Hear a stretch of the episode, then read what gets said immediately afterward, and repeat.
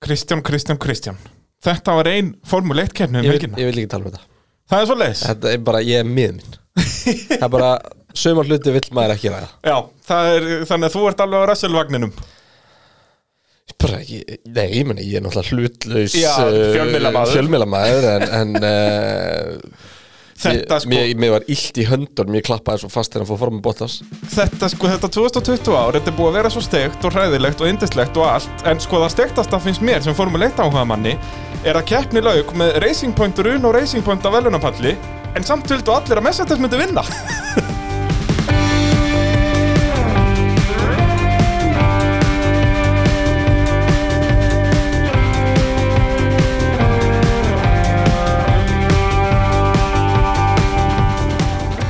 Já, ég held að vera vel orða bara ég við það pitturinn sem heilsar og eh, eftir ansi steikt uh, steikt að kjarni from the Bahrain International Oval uh, NASCAR Series Circuit We're live here from the Sakir International Cir- Circuit It's like Budweiser and, uh, And whatnot. Exxon uh, Grand Prix En Eitthvað. Geico Car Insurance Geico Car Insurance allir pakkin maður, nei, Heldur hérna, þetta var þetta var eitthvað mest af já, þetta var rússimanni Við sko töluðum um það bara strax í, í sumar þegar að þessu var, já, þegar var tilkynnt um þetta að við fengum svona bara óvalbraut í rauninni, bara fjórar hægri beigur og máli stendu upp.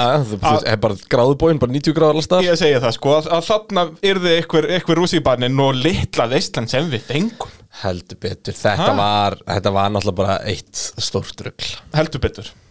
um, það voru ég hjörti brotin, það voru brostni draumar, það voru tár það voru flugeldar það var Já, engin, og engin, draumar eld, að- að engin verða eldur í veruleika. þetta skipti já, draumar að vera veruleika og draumar að bresta en, Já, samt sko, eh, ég fekk pínu fyrir hjarta þarna, við náttúrulega það kvarvalt í reyka nákvæmlega sama stað núna aftur, nema það var bara afturdekkin og kýmir reykunin. Já, þeir, á fyrsta ríknum Já, já, Mér ég brá, fekk, sko já, já, ég líka, ég fekk alveg bara, pínu fyrir hjarta. Þetta var bara, nei. pínu deja vu Akkurat, akkurat. eh, Samanlega því En, eh, já, mögnu keppni sem að fór fram í eðimörkinu undir ljósunum Og eh, var þetta hraðasti kapasturinn í sögunni? uh, sem sagt ekki hvað varðar heildarlengd en sem sagt e, ringurinn Eða styrsti er samt- ringurinn já, ekki, Það er- ekki er styrsti einhver í braut? vegalengd en styrsti í tíma Er einhver braut með meiri meðalhraða? já, á Monsa er hraðir ringur sko Í alvöru? já, já Ég bara, ég pældi ekkert í þessu Ég bara hvernig gerði ráð fyrir að þetta verið hraða efsti parturinn á brautinni þ- hann er, þetta er alveg lúmst krappar beigur þarna vinstri hægri Já, þetta er svona þeir eru kannski í, Já, á Monsa er þeir náttúrulega bara svo lengi 350 sko. Já, og, þú veist, og síðan er bara í rauninni einn bremsupunktur fyrir þessar hraðahendarnir í rauninni og síðan ekkert meir þú veist, Og svo þarna- bara aftur í 350 Já, en þarna er þú veist eins og langa vinstri beigjan fyrir klikkinu og allt þetta, það er ekkit áfullir gjöf og svona, en þú veist ég held að ég farið mér rétt malt, sko en ég heyrði allavega hverki að, að þetta væri hraðasti hringur ever En ég meina, fyrst þú ert farin að segja við sögum brautina eigum að fara í þetta hér It's lights out, away we go. And Monsieur Beckham's checkered flag puts the seal on Fangio's whip. One, two, three, four, five cars off at the corner. Eight seconds later, and it's Sterling Moss in second place. And James Hunt is the world champion. And he's going through. Oh my goodness, this is fantastic. And if you no longer go for a gap that exists, you're no longer a racing driver. That didn't work, Michael. You hit the wrong part of him, my friend. Jú, það er Bragi Þórðarsson sögumæður sem að heilsar Bettinn komin undir og þar með hefst lestur Ég elska alltaf að kemur eitt mm, frá, frá Kristjáni Smíða á brautinni í Shakir eh, hófst árið 2002 en Bahrein hafði þá unnið baráttuna við meðal annars Lebanon, saminuðu arabísku furstadæmin og Egiptaland um heiðurinn á því að, því að halda Formule 1 keppni í mið Östurlöndum Ég ver- ég var heiðurinn, ég verð samt að fá að stoppa þig þetta með eitt Það, þú stoppaði mig alltaf mjög snemma og ég þetta er, mjög ekki, peppaður yfir þetta er ekki bara copy-paste frá síðustu viku hérna, guð. Þú Ég veist, þú var veit ekki ekki að með spara þér sögu. spara þér pening en eitthvað að vera ekki að borga einhverjum gaur fyrir að skrifa niður eins og þú veitir eitthvað Varst ekki hérna í síðustu viku? eða? Ég var ekki með þess vegna- söguhótt Já, alveg rétt Og ég kom skýrt fram með það að Ég vildi spara það sko Það væri tværkefnir á sömu breytinni sko Ég er alveg með puttan og bólsinum í Ég þessu var enda búin að fá einmitt skilabóðum að söguhotni í síðustu viku hefði verið frekar lélegt Já, það, Það er bara verið svona, hefði alveg geta slefti já, það var svona Söguhotni í síðustu viku var svipuð og framist að Lúi samanlunum um helgina Já, það bara er, ekki- það er óhætt ekki að til segja það. staðar. það, Já, það er svolítið svo Það er leiðis rétt Mikið var kæft á brautinu fyrstu árin, meðal annars í ástralsku V8 Supercars-seríunni, Formúlu 3, GT-mótaröðinni og kvartmílu. Brautin varð mekka motorsports í persaflóanum. Tök, tökum við fram að þarna er Bræði náttúrulega ekki að tala um þetta layout sem við vorum að kera um helgina heldur Nei, nei. bara brautin yfir Já, já, höfuð bara- og það er og þetta það er- keirin í alls konar layout sko. í miljón leiðáttum, þetta er alveg svakalegt eins og ég kem inn á hér eh, setna í söguhaldinu. Fyrsta Formule 1 keppnun á brautinni fór fram árið 2004 og var það að sjálfsögðu Michael Schumacher sem stóð uppi sem Sigur Veri á einum allra besta Formule 1 bíl sögunar, Ferrari F2004. Eftir reglubreitingarnar fyrir tímabili 2005 um að dekkjaskipti væri bönnuð var það Fernando Alonso að Runo sem vann í bara einn tvö ári röð. Þó var slagurinn svakalegur alla keppn árið 2006 milli Spánverjans og Schumacher. Felipe Massa á Ferrari vann næstu tvö ár en árið 2009 var það Jansson Button sem tók öllið á leið sinni að sögufrægum heimsmeistaratitli með Bron GP. Hann var náttúrulega geggjað ár. Árið 2010 var keppnin svo fyrsta á dagatælinu og til að fagna 60 ára ammali formúlunar var ákveðið að keppa á endurance uppsetningu brautarinnar. Þannig mitt koma þessi mismunandi layout sem við vorum að tala um. Þá var ringurinn 6,3 km en allir voru sammála um að þessi uppsetning hendaði illa fyrir Formúlu 1. Fernando Alonso vann keppnina það árið, hans þriðji sigur í eðumörkinni. Og svo náttúrulega kom pólitíkin inn í þetta hjá okkur, það var eh, svakalegt. Næstu ár voru viðburðarík í bara einn, mikil mótmæli brutust út í landinu, ríkistjórnin svaraði með ofbeldi, pyntingum og föngum og morðum. Fyrir viki var ekki keft þær í landi árið 2011 en árið 2012 var keppnin haldin þrátt fyrir mikla anspyrnu heimamanna. rosaleg mótmæli sem voru þarna Bara, ég elskaði alltaf kommentið sko, semst út að það voru bara hafa verið að brenna dekkjarhúur og drast fyrir utan brautina og heimamenn að hvetja aðra bara ekki mæta og allt þetta að þá er Bernie Ecclestone spurðið, þú veist, heyru, það er hérna verið að brenna dekk og þú veist, þetta er nú ekki það sem við um að, að já, formúlan á ekki að tengjast þessu eða það, hann sverja bara mjög öðvöldlega, þetta hefur ekki með formúla eitt að gera þetta er bara pólitíkin í landinu, við erum bara hérna til að keira ringi, sko hann er En alltaf hann er bara bílaður. náttúrulega einhver almest í pólitíku sem þú finnur sko en hérna, keppnin var þó haldin hann 2012 og, og Palli Ekkertsson svona Eurovision Eurovision og pólitík er ekki bara saman Jú, Jú. Formule 1 er pólitík Það er bara nákvæmlega Ef að það svoleiðis. snýst um að það sé verið að, að hérna arræna þjóðir eða að misnota íbúa til þess að smíða kapparsbreytur og eitthvað svona dót, þá eigum við ekki að keppa á þeim Jep, það er akkurat svo leiðis og, og einmitt að að heimamenn voru að berjast gegn ríkistjórninni sem eitallus miljónum í brautina en já, þetta hefur nú verið friðsalt síðust ára og hefur verið kæft á brautinni já, öll ár síðan 2012 og á þessum árum þá voru það Sebastian Vettel og Lewis Hamilton sem skiptust á að vinna báðir eiga þeir fjóra sigra í Bahrein en Nico Rosberg vann í eðumörkinu ára 2016 Frægasti kappaksturinn í Bahrein var ánefa árið 2014 keppnin sem síðar hefur fengið nafnið The Duel in the Desert Það hefur nú panta, passað vel í, í introið hérna hjá okkur. Þar börðust Mercedes aukumennir Lewis Hamilton og Nico Rosberg um fyrsta sætið eins og hundur og köttur nánast alla keppnina. Algengt, algengt er að sigurvegari bara einn kappækstusinn standi uppi sem heimsmeistari, nema ef hann ekur á Ferrari. Í 11 af 16 keppnum þær í landi hefur ver, verðandi heimsmeistari unnið. Í hinn fimm skiptin hefur það verið Ferrari okkur þór sem vinnur í bara einn án þess að taka titilinn. Undantekningin sem sanna regluna er Michael Schumacher árið 2004 það er náttúrulega Vettel á þarna tvo sigur á, á Ferrari, Massa tvo Leclerc Nei, nei, nei, Nei. Leclerc átt að vinna Já, Já, Þetta vann hver fólk er, hver er þriðji? Þeir voru þrýr Alonso 2010 Já, að hérna, það er skellurinn að vera að kempa Ferrari í hans alveg, það er ekki sniðut Shakir kappastunum helgina hef, uh, stuttist við ytri brautarmörkin og líktist brautin þeim meira NASCAR óvalbraut frekar en Formule 1 braut Ringurinn var aðeins 3,5 km lengt í stað 6,3 árið 2010 sem sýnir þá miklu möguleika sem brautin býður upp á sko, kannski, ok, það, það, er, það er þreytt mím að segja að hann verið eins og naskarbrut Þegar Já, þú veist já, þetta var þetta var náttúrulega það ekki En þetta er eiginlega, ef þú spori, þá er þetta ekkert ósvipað brautunum eins og voru margar sko bresku í gamla daga sem Já, var þeir- besti þetta voru bara, bara upp eina flugvellir. flugbraut Já. og snúi við og niður hinnum Akkurat Og síðan og þú svo veist- setti ykkur hlikkir og eitthvað dót sko Akkurat, þetta er Þannig að- alveg sam Og margar götubrautir voru líka svona Bara kert í kringum bæinn, basically Já.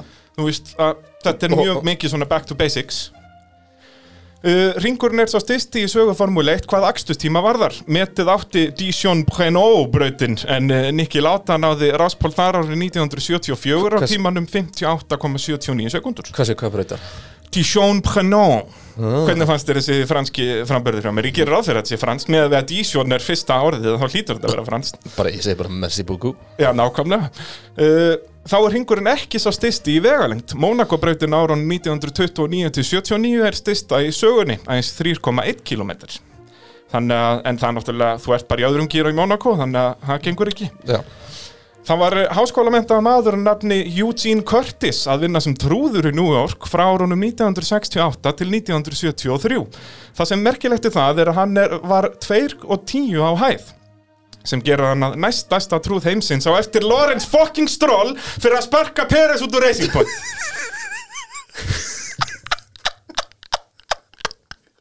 Hvað er strólstór? Ég hef ekki hugmynd, en hann er stærsti trúður í fucking heimi. Það er bara svo leiðis.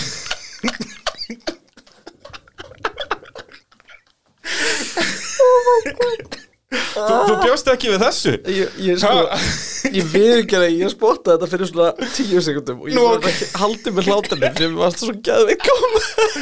Líka að gera þetta formlegt sko í sögustundinu Þetta er, þetta er mjög gott grín þó ég segi þessu alveg frá Oh. Þetta er bara dásamlegt Já, við ræðum þetta alveg öruglega eitthvað eftir. Já, það er, það er pottet sko Kefnin um helgina var svo fyrsta síðan Brasilíki kappakturinn árið 2006 sem að Lewis Hamilton byrjar ekki í Formule 1 Hann á meti fyrir að ræsa í flestum keppnum í röð 265 Veistu hvað ökumæður á grittinu núna geti sleiðið þetta met? Þess að stera núna næstur á eftir honum af þeim sem er að keppa núna Þetta kom mér nefnilega óvart sko, þetta maður myndi Mm. Maður er halda haldið ekki mér Vettel eða- ækonin eða fettel sko. Rækonin náttúrulega var hann í Tók ralli pásuna, sko. Já. En eins og Vettel, út að hann byrjaði ekki einhverja keppna árið 2016 eða eitthvað Þannig að hann er ekki þarna Ég man ekki einu sinni hvaða keppnið það En var eða þegar þú segir 15. byrja allir það sé þá bara DNS líka. Já, já, þetta er þú veist ef þú sem sagt, eins og bottast lendinu sinni í því að slasast tímatökum og Er, keppt er ekki einhver nálægt þessu? eða? Nei, þetta er held í 170 eitthvað keppnir sem er næst á eftir af þeim sem er að keppa núna Það er alveg bara einhvern veginn, þú veist, Ricciardo eða Sainz. heldur betur hárrétt hjá þér Það er ekki erdum uh, Úrslit helgarinnar því það Við Ferrari hefum munu- Peres að sleppt úr keppnin líka. Já, DNS öruglega. Já, hann er allan Hann, hérna, sko. ekki á þessum þetta var 190. keppnin hann sem helgina. lista. Við vitum það vel Úrslit helgarinnar því það Ferrari munu enda í sjötta sæti árið 2020 þar að segja keppni bílasmiða Er það staðfest? Sko nei, tæknilega Alfa Tauri geta náðum Já, ef þeir geta ekki komast upp í 15. seti. Nei, Tölfræðilega, bara ekki tölfræði geta þér það ekki hægt. Holy shit. En Alfa Tauri getur náð sjötta sæti náðum Með Ég held fyrsta að og þetta öðru bara sæti ferri, já, ferri mun alveg skor stíð Abu Dhabi held ég sko. Ég held ekki En Alfa Tauri mun ekki vinna. Nei. Og ekki verið öðru sætti líka. Alveg eins og á Monsa, það er, það er ekki sens að þeir fara að vinna þar uh, Sest já, þeir eru, eru svo gott sem staðfistir í sjöndasendur 2020 sem er vesti árangur liðsins í 40 ár Þetta er í þriða skipti sem liðið endar í sjöttasendi í kefni bílasmiða hinn árin voru 1962 og 69 aðeins einu sinni hefur liðin á verri árangri sem var tíundasendið árið 1980 en þá okkur Jóti Sekter og Jils Villeneuve 6 ára á gömlum bíl Væri það ekki bara hugmynd til að laga þetta? Ég Benz, meina- þið megið ekki smíða nýjan bíl fyrir næsta ár. Þess er alveg nógu góð. Notið hann áfram. Ég meina Mercedes Og, þú veist- VF10 var að vinna um helgina sko Það er enda rétt. Það er bara svo leiðis En þú veist, ég bara segja að þú veist, þa þannig bara gerum við þetta Red Bull með að koma í nýjan bíl og eitthvað svona dót Já. eða s- skiptum ykkur x parta og það er bara neðsta sætt sem má bara alveg rítið sæna bíli sinn En sko þarna á þessum árum var þetta mjög vinsælt Þú veit að þessi sest, Ferrari 015 bílinn sem þau voru að keppa á þannig í 6 ár að þetta er eitt besti kapasinsbíl sögunar þeir eru unnu þrjá titla með hann og bara hugsuðu alltaf að hann er ennþá bestur og engan ástæðan til að breyta þessu en svo allt í ennu fór skíturinn um viftuna þarna 1980 og þeir endur í tíundasetti Já. og uh, þar með er lestri lokið Þetta var gekkja sögur Þakka þér og eh, ég er mjög ánægði með Með- punktin með- með að við trúðinni komið, núna. að við komið sjáta á minn mann Eugene Curtis Já. ég hef lengi búin að býða eftir þessu Hann var 2 og 10 sko, var trúður Ég- Rísastór trúður Ég Wikipedia hann alveg í drast sko, hann var þekktur fyrir að vera sko svona duck clown Hann var ekki svona vennilegu trúður, heldur var hann alltaf klættur sem svona einhver, einhver fugg sem var ákvæðavert og hann var náttúrulega 2 og 10 þannig að það var erfitt svona að tegja sig niður að gefa krokkunum sleikja á sko en, en hann var magnaður, hann er látin því miður, blessaður, Curtis En er, en svona fyrir sögubakurnar fyrir að vera næst stænsti trúðurinn og eftir Lawrence Stroll Já, og var stæsti á sínum tíma Já, já, en svona það er alltaf bara svona, þú breytast veist þótt, ef þú varst heimsmynd hafi hástöki þá varstu alltaf heimsmynd hafi hástöki Það er rétt, það er rétt Þú veist. Þannig að hann átti metið þarna Já, alveg til hans í 2020 núna Já. Það er svo Já, það já. leis Svo fílaður Þetta var svo Herðu, áðurum við förum í að lesa upp í hvað sæti fólk endaði og hvað gerðist og Já. þannig þá langar mér bara aðeins að ræða atbyrði vikunar Já, það var náttúrulega allt að gerast kemur náttúrulega bara út hvað daginn eftir að Hamilton vinnur ekki bara mánudinum, var á þriðudeginum að uh, hann Þetta var er að með þriðudags modni, bara við tókum upp þátt í hádegin og þriðudagin og við vissum af því já, nákvæmlega, að hann er með COVID og maður spyr sig maður spyr sig af hverju var þá ekki hálft mersenslið í sótkví Það er mjög góð spurning en allavega, Hann var á- kannski er það útskýr þetta ekki á runglið Já, þeir, þeir voru Þeir bara voru með bara, einhverja herri, getum við fundið ykkur eða okkur vantar ykkur að kunni að skrúa dekk já, við erum heimsmyndstari, þetta er ekkert mál, kunni Ég að skrúa segi það. dekk þetta þetta er, Og þetta er bara eitt bolti með þessi já, já, já, nei, það, en það var líka ekki vandamál, ég bara glemt að spyrja fólk hvað það kynna að lesa já, það er rétt, þeir voru með, með röng dekk sko, það var ekki vandamál að taka dekkin af Nei, Ég þeir meina, voru bara að æfa sig í því, sko. Yes, Þeir voru bara 27 sekundur að taka dekkin af að setja sjömyndekk undir en, hérna, en Hamilton allavega greinist með COVID-19 og við óskum honum nú bara allsins besta Já, það er ekki ennþá, sko við erum að taka þetta upp núna á mánudag, við erum löðrandi léttir á því og það er ekki staðfest hvort hann verði með í Abu Dhabi Nei, en ég sá mjög áhugavert í Ted's Notebook í gerkvöldi Ok. Ég horfði á eh, að, að hérna samræður á milli Tóta Wolf og yfirmanna Williams í Já, gerkvöldi um að hérna getið þið ekki verið með eitt kenna áfram bara, við viljum hafa ræsælin Sá enginn hvað var í gangi þetta Nei, Þannig að hérna en vá hvað ég væri til í að sjá ræsæli bensanum aftur í Abu a- Dhabi 100%, 100%, bara 100%. staðfest Vest með að hann er búin að missa af- ja. hann er búin, sko, jú, reyndar en, en Russell er búin að missa tækifærið á að ná Vettel, sko, ég var alltaf að vonast til því en tækir núna tvo sigra á að vera á undan Vettel í keppni aukumanna, sko Já, það er, ég veið elskum góðan Vettel Ég elska þetta já, hann tók líka löflegt snúsnú hann okkur í, í æfingum Já, en það er ekki nóg til að fá nei, nei, það, þetta verður að vera í keppni, sko Þetta það við Það er, ég talaði eins um þetta á netinu og ef ég myndi taka öll snúsnúin í öllum æfingum að þá væri við hérna til miðnættis á Enda sko, fyrstudags sko. aukumæður sem snýr aldrei í æfingum og ekki heim í formulegt Nei, ég segi það, þú verður að fara yfir lifmyndi þegar þú mátt það Ég hef mjög gaman að því hvernig sko Verstappen, Hamilton, Vettel þessi svona A-klasa aukumenn þeir spinna aldrei þannig rúst í bílnum Nei, á nei. meðan að svona albúnar eru bara einhvers staðar í einhverjum dekkjavegg sko. Já, en hinn er vita, heyrðu, ég, get, ég ætla að tjekka limiti hér Já, Já. og bara snúast yfirleitt bara mjög mjúkt bara inn á malbygginu já, og bara standa á bremsunna og Já. og flatt- flatspott flattspottan okkur dekkin dekk og koma svo bara inn og fá ný og halda áfram sko. Akkurat, og, og vita hvar, hvar limitið er í þeirri beigju þá Já. En þetta þýtti allavega að Lewis Hamilton var ekki að fara að keira um helgina og þá voru góður á dýr. Eh, Akkurat. Stoffel van Dorn mætti á staðinn, hann var talin svona líklegast í framan af, Já. en við urðum að óskokkar Já. hérna úr og ég var mjög gladur þegar ég sá að George Russell fengi tækifærið. Eins og held ég bara allir í heiminum Það Já, er einhvern veginn, það var, all- ein, það var engin Nei. eitthvað bara uh, Sko mamma hans Hulkenberg var svolítið fúl, Já, reynd, og, og, og, Og- pappi Van Dorn var líka já, pílum út pappi van Dorn og um, mamma hans van Dorn var samt alveg sátt. Já, já, Já. hún, hún vill ekki, Hún vill ekki þú sjá veist, þetta. Hún sá bíl springa þetta Já. síðast ekki og vill ekkert að að strákurinn fari hérna. Nei, en, en svona öllu gannisleftu þá, þá hérna, þú veist, Esteban Gutierrez var eitthvað inn í myndinni en þú veist, það hefði þetta, verið var, þetta var eina vitið Já, þetta, og líka bara kompetitivlega fyrir utan það hvað þetta var að hræra upp skít hjá Mercedes þessi helgi en hérna, við förum í það alltaf eftir því að á þessum staði í podcastinu vitum við náttúrulega ekkert hvað gerðist við erum Nei. eftir að ræða keppna já. það veit enginn hvernig sig, út að allir þeir sem hlusta á pittin horfa ekki á Formule 1, sko, þeir eru bara að ho- hlusta á þetta sem fréttaskýringa það, sko. Já, já, já. það er, þú veist, þannig að þetta er spennandi, sko, hver skildi það að og því vinna? hvað podcastið hefur verið geðveitt hérna þegar að, sko, það voru ekki sem sjómasútsendingar Já, og fólk var bara eitthvað svona að reyna að hlusta á BBC News einhvern veginn Já það, þú Murray veist. Walker byrjaði bara í útvarpi, hann var bara að lýsa þessu bara,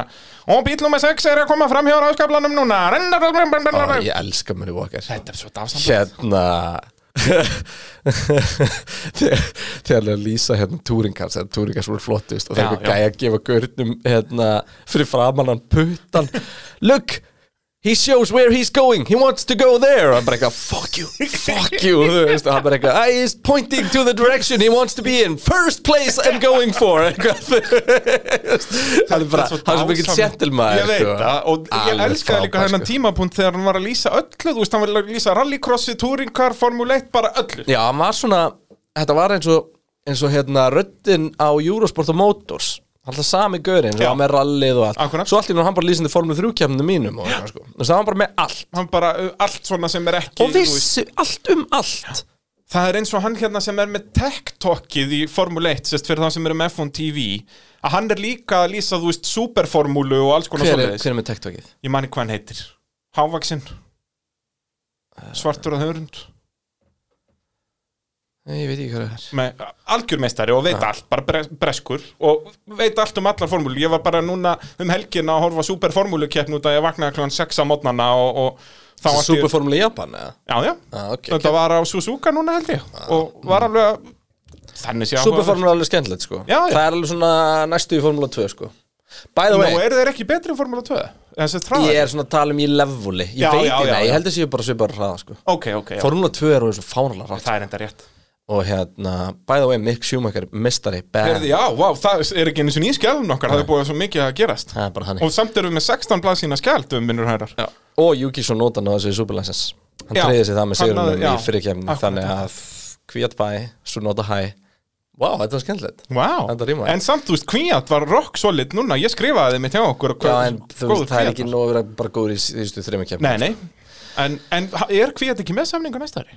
Ég, nei Voru þeir ekki búin að staðfesta Eh, Voru báða? ekki staðfesta báða? Ehm. Ég held það Mér minnir að það við komið pressilulísaðna bara á söpuðum tíma og gastlífa staðfestur að kvíat væri líka og við vorum að hnexla okkur á því og síðan þá hefur kvíat verið geggjaður Eh. Mér minnir það einhvern veginn En meðan þú googlar það þá einmitt Ég, ég er getum búin að við- googla hérna Nei, það var bara Var það bara gasli? Já. Sem kemur reyndar ekkert á að kvíat er líka þú- sérstaklega í svona junior liði í Red Bull að- en um að gera eins og að fá svo nota Sko, og eitthvað Formule svona- 1 er þessu 30 brúst líkur á að þess að segja þessu 90, þegar hérna rétt á hann að Gasly var staðfestur segir f1.com að þessu 90 brúst líkur á að Gasly verði í Alfa Tauri aftur næsta ári 30 brúst líkur á að Kvíat sé og 70 brúst líkur á Juki Sonota Já, en og þetta er 20 náttúrulega brúst fyrir líkur á, á hóndafréttirnar sko. Albon Þetta eru fyrir hóndafréttirnar Já, en ég meina, ef þú ert vinnandi keppnir í Formule 2 Já, ég veit, og, það þú veist, skiptir engu og máli. Red Bull vantar næsta gaur við hliðin á Verstafin sko. Nei, býtum, Albon er geggjað Já, í Formule 1 en við, það er náttúrulega við vitum að Mercedes eru eftir honum Já, ok, já, Albon getur Nei, en hérna, en þú veist, þannig að það make a sense. Já. Herru, en höldum áfram. Um, það að Russell fari yfir í Mercedes Mhm. skildi eftir aukt sæti fyrir uh, Williams sem að þeir ákvöðu að uh, já, ná upp, uh, eða þess að fylla upp með hinnum breska Jack Aitken. Heldur betur Og Jack Aitken fyrir helgina var Jack Aitken síðasta görin sem outqualifiði Russell Já, það er sem rétt lissulega. Þeir voru liðsfélagar í hvað, Formúlu 2 eða 3? Uh, GP3 held ég GP3, frekar en já. Formule 2 um, En allavega Jack Aitken, sko, mikið hann, hann er alveg gaur sem að make a sense Ég meina, hann vann hérna, Eurocup Formule 1 og 2 og Formule 1 og hérna, Alps og Pro Hann var alltaf í Mazda. Runó, hann er ekki lengur í Runó eða? Hann var Ég er í ekki Runó viss um akademíunni hann- Var hann í Runo Já. Akademíunni? Ég nefnilega veit svolítið um Jú, hann, jú, sko, jú, út af því hann að var, er- hann var sænar í Runo hérna, Akademíunna þangað til 2019 Já, þá hætti hann það og er sérst búin að vera með eh, vera varaugumærin fyrir Williams Gaur sem að á held ég alveg heima í Formule 1 sko, Já, en þú veist, hann er sýndi það 25 ára og hérna, já, stóð sér bara fínt um helgina, Já. þannig að hérna áhugaverð. Vonandi fær hann bara annað takkifæri líka næstu helgi Mér finnst það samt ekki jafn áhugaverður og maður sem kom inn í staðin fyrir Roman Grosjean sem er Pietro Fittibaldi Fannst þér það áhugaverðara? Já, Já, bara út af hann eljaljúr mér fannst það stansi betur inn í bjóstið Mér fannst það Já. alls ekki stansi illa Nei, ég meina hann vinnur, sko, Jack Aitken og, og Fittibaldi slagurinn var alveg áhugaverður S- Fittibaldi vinnur hann í öllum æfingum en svo þegar það skiptir máli að þá vinnur Aitken Já, en Fittibaldi klárar Já, Aitken líka Já, en þú veist, búin að fokka allu upp Já, en ég meina, er hann ekki hann klárar fyrir fram að Fittibaldi anskutin Nei, ég held nefnilega ekki sko. Jú, hann klárar fyrir fram að Nú, ok, eru þeir 18. og 17. hann Fittibaldi er síðast 16. og 17.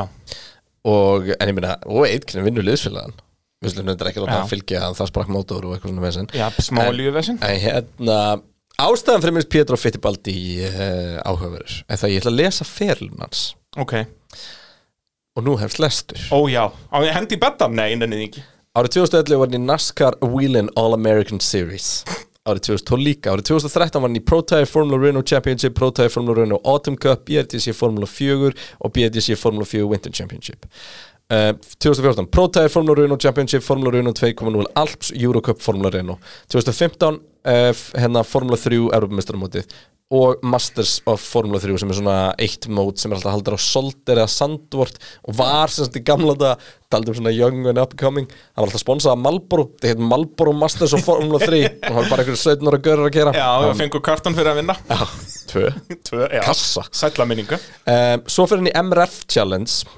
og þaðan fyrir hann í formulu hérna, V8 hérna, sest, uh, form, hérna, World Series 3.5 sem að var svona hit sem er, já, og er í því síðan ára eftir fyrir síðan í IndyCar og Superformula og þaðan yfir í World Endurance Championship fyrir svo í DTM svo aftur niður í formulu 3 í Asíu og svo í formulu 1 Dásamlegt Því Þetta er bara fyrir- eitthvað svona ferill eins og frá bara 1970 sko. Já Það sem að þú varst bara í Ah, öllu Eru fjögur dekk undir þessu, ég ætla að gera þetta Já, og en sko það sem að ég hugsa þeirra að vera að horfa í þarna uh, var að þú veist gæn emmi IndyCar og hann emmi hérna LMP Alls konar, já, og eitthvað já. svona dót sko þannig að þú veist hann er vanur þessum hraða sko Já, já en og þeir vildu náttúrulega ekki vera að fokka í Mick Schumacher og eitthvað svona dót núna sko Nei, nei, og líka, þú veist, þetta er kannski líka pínu bara svona takk fyrir að vera að vinna fyrir okkur skiluru hérna færðu pínu velun Þú veist, hann er náttúrulega búin að vera að vinna hjá leiðinu en samt, þú veist, það á ekki að skipta hann okkur einasta mál en ég meina þú veist Þegar þetta er bara borgunum gaur- laun. þetta er bara görið sem er treystu til að koma Já, já. og allavega að keira Og hann keirði allavega hann og kláraði Já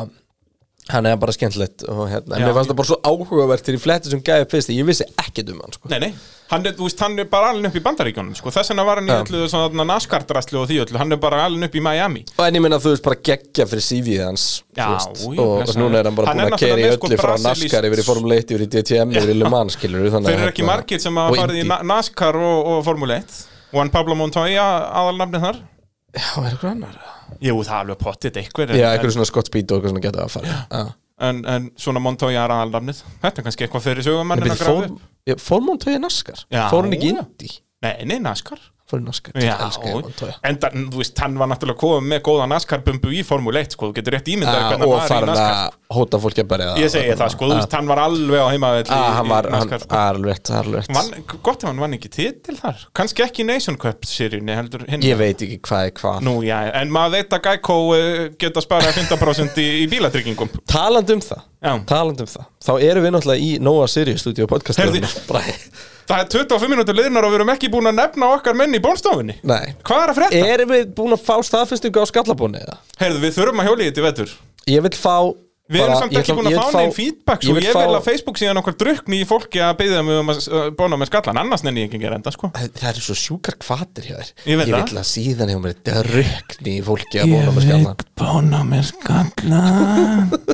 skallan Já, Það er svo leiðis Við við þurfum að hjóli þetta í, í, í vetur 100% Það er bara svo leiðis ég, ég held að það sé ekki margir sem að hjóla í það að skella Dódótjús á skallan Nei, um, Já, jólabón kannski, við, það, við þurfum að spurja drengin í bánstofunni hvort að Bubbi komið þarna á öllum mótnum Það geti verið, sko Hann er allavega með glæsilegan skallan Já, þetta ásamlegast í Íslandsögunar eh, bara Það er ekkert flóknar en það Herru, allt þetta er mjög relevant við Formule 1 Já, Tölum þetta- um helgina við- Ég byrjaði á að tala um trúða í New York, sko Þannig að við erum alveg í laurandi léttum Já. að vara formúli 1 uh, Byrjum að tala um helgina og uh, ræðum aðeins bara æfingarnar því að þar náttúrulega kom bara smá svona jaw-dropping moment bara strax þar sem bæði, þar sem Russell toppar FP1 og FP2 Heldur betur og, var þá hann ekki fór að líka hlakka hraðar en Í Bottas stjánanum maður Já, ég var spenntur Ég var spenntur Og sko uh, Málið er það að það eru margir sem að muni segja Þú veist, "Æ, þetta kom svo óvart og hann er eitthvað svona Nei, þetta kom ekkert brjálæðislega óvart Ég minna hann Við hefur erum búin að tala um að frá degi að Russell sé sennilega sá aukumar grittinu sem er svona besturinn getur ekki sýnda Já.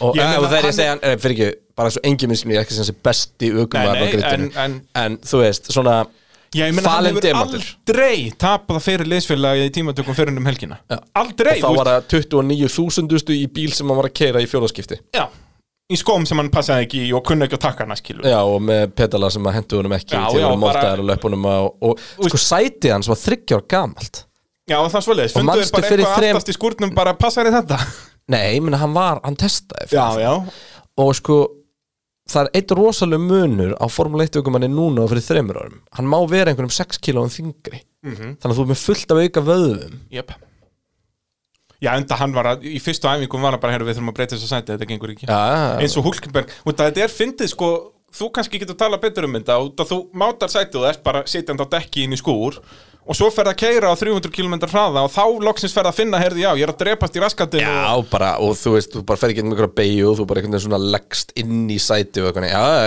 já, þú veist, sætin voru ekki, þú veist, fyrstu æfingarna sem ég kerði í nýju sæti, þá var ekki búið að klæða það, skilur Já, akkúrat. Þú veist, þá var bara til að vera að taka raspin á það og minka og ég þurfti bara, þú veist, ég kom bara inn og ég bara benti á og þá bara gerur hringur bara, bóra hér Drulla, já, Þú veist. akkurat, akkurat og hérna já, ég meina, ég lendi í til dæmis yfir eitthvað tímabil að ég var að breytst í læginu ég var að, að sem sagt fytupróstum mér var frá niður og vöðnum mín úr að aukast og, og bara undir lokin var hann bara svona þröngur yfir mjáðumirnar og Já. eitthvað svona dót sko þannig að hérna, algjörlega og, og hérna þannig að ég, ég tengi alveg við það ég tengi líka við það að hafa alltaf þurft að vera í ólitlum skóm Já, þetta er mjög algeng í Ég er Formúlu nefnilega 1. sko, eins og þú sérð Nú er ég að lista fótum mér Jú, jú. Ég er í starf 45 Já. Það er ekki racing size sko Nei, nei, ekki Þannig að- í svona monokokk bíl, sko Það er bara einfallega má það ekki Þannig að fyrst þegar ég fór að ke- eða sko, Þetta er alltaf í formúlu BMF Sem ég ætlaði fyrst að keppi í Já. Og svo hérna gera sluti mér hrætt Og ég er alltaf kunni formúlu 3 bíl og, á,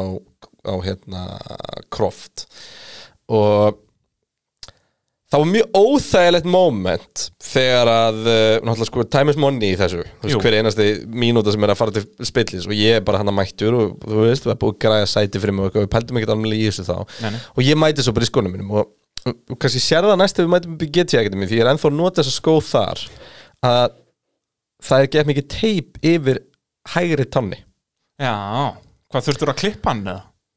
eftir smá stund þegar við vorum að sjá þetta þá mætti bara einn gauður og sagði kreftu inn tætnar og svo klift hann bara skónum Ég hef heyrt þessa sögu frá fullt af ökumönnum Þetta er bara svo algeng bara teipa fyrir, út því að það bara bókstallega voru bara að rekast í toppin og þannig að bara rétt slapp þetta táum minn svona aðeins út, ekki alveg fireproof samt sem á þetta teipið en hérna þanga til að ég komst næst í Gibi Direct eða hvað sem þetta hittir hana þá var ég bara í þessum skó og hérna Ég meina, James Hunt var allan ferilinn í nákvæmlega svona sko bara sem hann var búið að skera af ég held hann netta ekki einu sem Já setja og teipið sko, við það, svo sérst, var þetta ekki alveg nóð þannig að hafa tekin raspurinn á hælinn Þannig að ég myndi, þú veist, að ég var ekki með neitt stuðning Nei, undir hælnum og þú bara- veist, þú náttúrulega liggur á hælnum Já, allan ég tíman segi það, þetta var þá bara eins og að vera í sokk Já, basically Og hérna, þetta er mjög fyndið En ég á þess að skó ennþá og nota Já, það þú verður að sína mér Þægilegur þetta skór, næst þegar við förum í getjagandi mín Eh, Hérna, já, Jafnvel að henda myndin á pitsu ég, skal, ég skal gera það en, Eða en Insta. þannig, að, þannig að hann var að lendi þessu Og Já. hérna Og, Og það náttúrulega núna er þetta ekki bóðið, þú mátt ekki klippa skona þína núna sko, þannig að hann þurfti bara að fara í minniskó Já, en Bara- þú veist, ég hefði farið í minni skó og yfir hefði verið á staðnum Já, já. Ég hugsa að Russell haf- hafi bara verið aðgangur að þannig skóm fyrir hann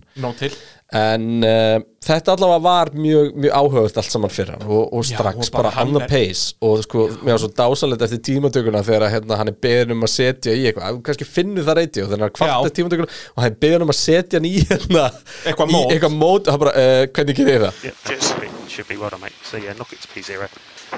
How, how do I do that? You like the bottom switch? Yeah, the bottom switch. Já, þetta lýsir svolítið svona hversu mikið hann var að læra á bílinn Algjörlega. En allavega, stóð sér frábælega, var, nýju líka, gæðanir var ennþá að bara spyrja spurninga bæði tímatökum og keppninni bara, að- býtu- Algjörlega. og en sko talandi um þetta Þetta er líka ekkert lítið flókið dæmi í dag sko. Nei, nákvæmlega Og líka stór munur út af Williamsin er einu bílinn sem er ekki með dashboardið í stýrinu Já. Hann er með það á, á Á skjá. monokokkin Já, á Já. skjá sem að reyfist ekki Já. Þannig að það er líka stór breyting að Einmitt. hafa ekki kjurran skjá heldur Ég veit, nei En þú ég held venst ekki. þess alveg, Ég held sko. að vennist Já, einstaklega já. Og hann gerði það því að hann var 29.000 stu og eftir Bottas í tímatökunum Bottas á Ráspól, Max Verstappen síðan fjórði, Sergio Peris 50 Kvíat 70, Rikjard og 7 Sainz 9, nei 8 Gasly 9, Stroll 10 Okkon 11, Albon 12, Vettel 13 Svo koma Giovanici, Norris Magnussen, Latifi, Aitken og uh, uh, Rækunin og Pietro Fittipaldi og sjátóttlum eins og Eiken sem var bara sekundabróta bak við Latifi sko. yep. Já, já, hann bara hekk í honum alla helgina öðru inni, sko. algjörlega og síndi bara, veist, hann á alveg jafn mikið heima enn og Latifi, við slum bróða Já. þannig þótt að ég sé Hversu ekki að mikið búast Latifi við á einhverjum- heima Já, En en þú veist- Latifi á alveg heima þannig, því að Russell síndi það líka, hann gæti mögulega verið sérstakur, sko, Já, já, akkurat fyrir nokkrar sækis og eins og bara, og þá spyr maður þessi líka þú veist, var Kubika bara ágætur þú veist, Já, já, fýtt Kubika var Russell er bara frábær, við erum að segja þetta frá Ég degið veit, Russell það er frábær það er hár rétt hjá þér taland um æfingarnar, þá langar mér líka að spila þessa klippu hér Correction, those cars pitted. You're the only car on track. So I need to turn left here, no? Yeah. Yeah, that's correct. Yeah, turn left there, go down this uh, wiggly bit. Já, þarna heyrðum við í Carlos Sainz og hann var literally bara að spurja engineerin sinn hvert hann átt að fara er, er það vinstri hér sem er dásamlegt Ah. hann er bara ný braut og hann ratar hann ekki Líka fallegt hérna kommenti fyrir að Russell og Sænska okkur um hérna kjölsveið It looks Já. like we have a good relationship Það var geggjað Sainz sem maður lúmskur Herri, í hvaða röð ætla að taka þessa keppni? Verðum við ekki eiginlega að byrja á Benz því að Jú. Russell vann þessa keppni tvisvar og hann tapaði henni Já, er það ekki svolítið Jú. svolítið? Mér, þá langar mér eiginlega að byrja bara ég að sjálfsögðu til um dagsins klifti lögultan trailer út af ég elska að klippa góða trailera og er ekki búin leiðar að heyra hann út af ég elska líka að heyra þín viðbröð við elskulegu trailerunum mínum Þannig að ákvaða fyrir sjöföldu heimsmeistaran ákvaða ég að klippa lítinn trailer Gap to Valtteri is Uh, Keep it saying now. But stay, but stay out. In, in, in, in, in, in, in, in, in, in, in, in, in. Hey man. No, no, sorry, mate.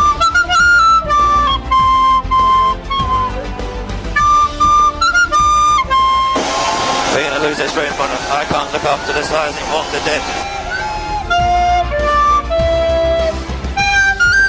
Okay, George, we're going to need to box box. We have a mixed tyre set on the car. You are back on the hard tyres. Uh, old tyres back on. Já, Mercedes-Benz, þeir voru að gera gott mót Varstu hérna í morgun með flautina Ég var með plokkvölduna hérna um allan morgun Dí, dí.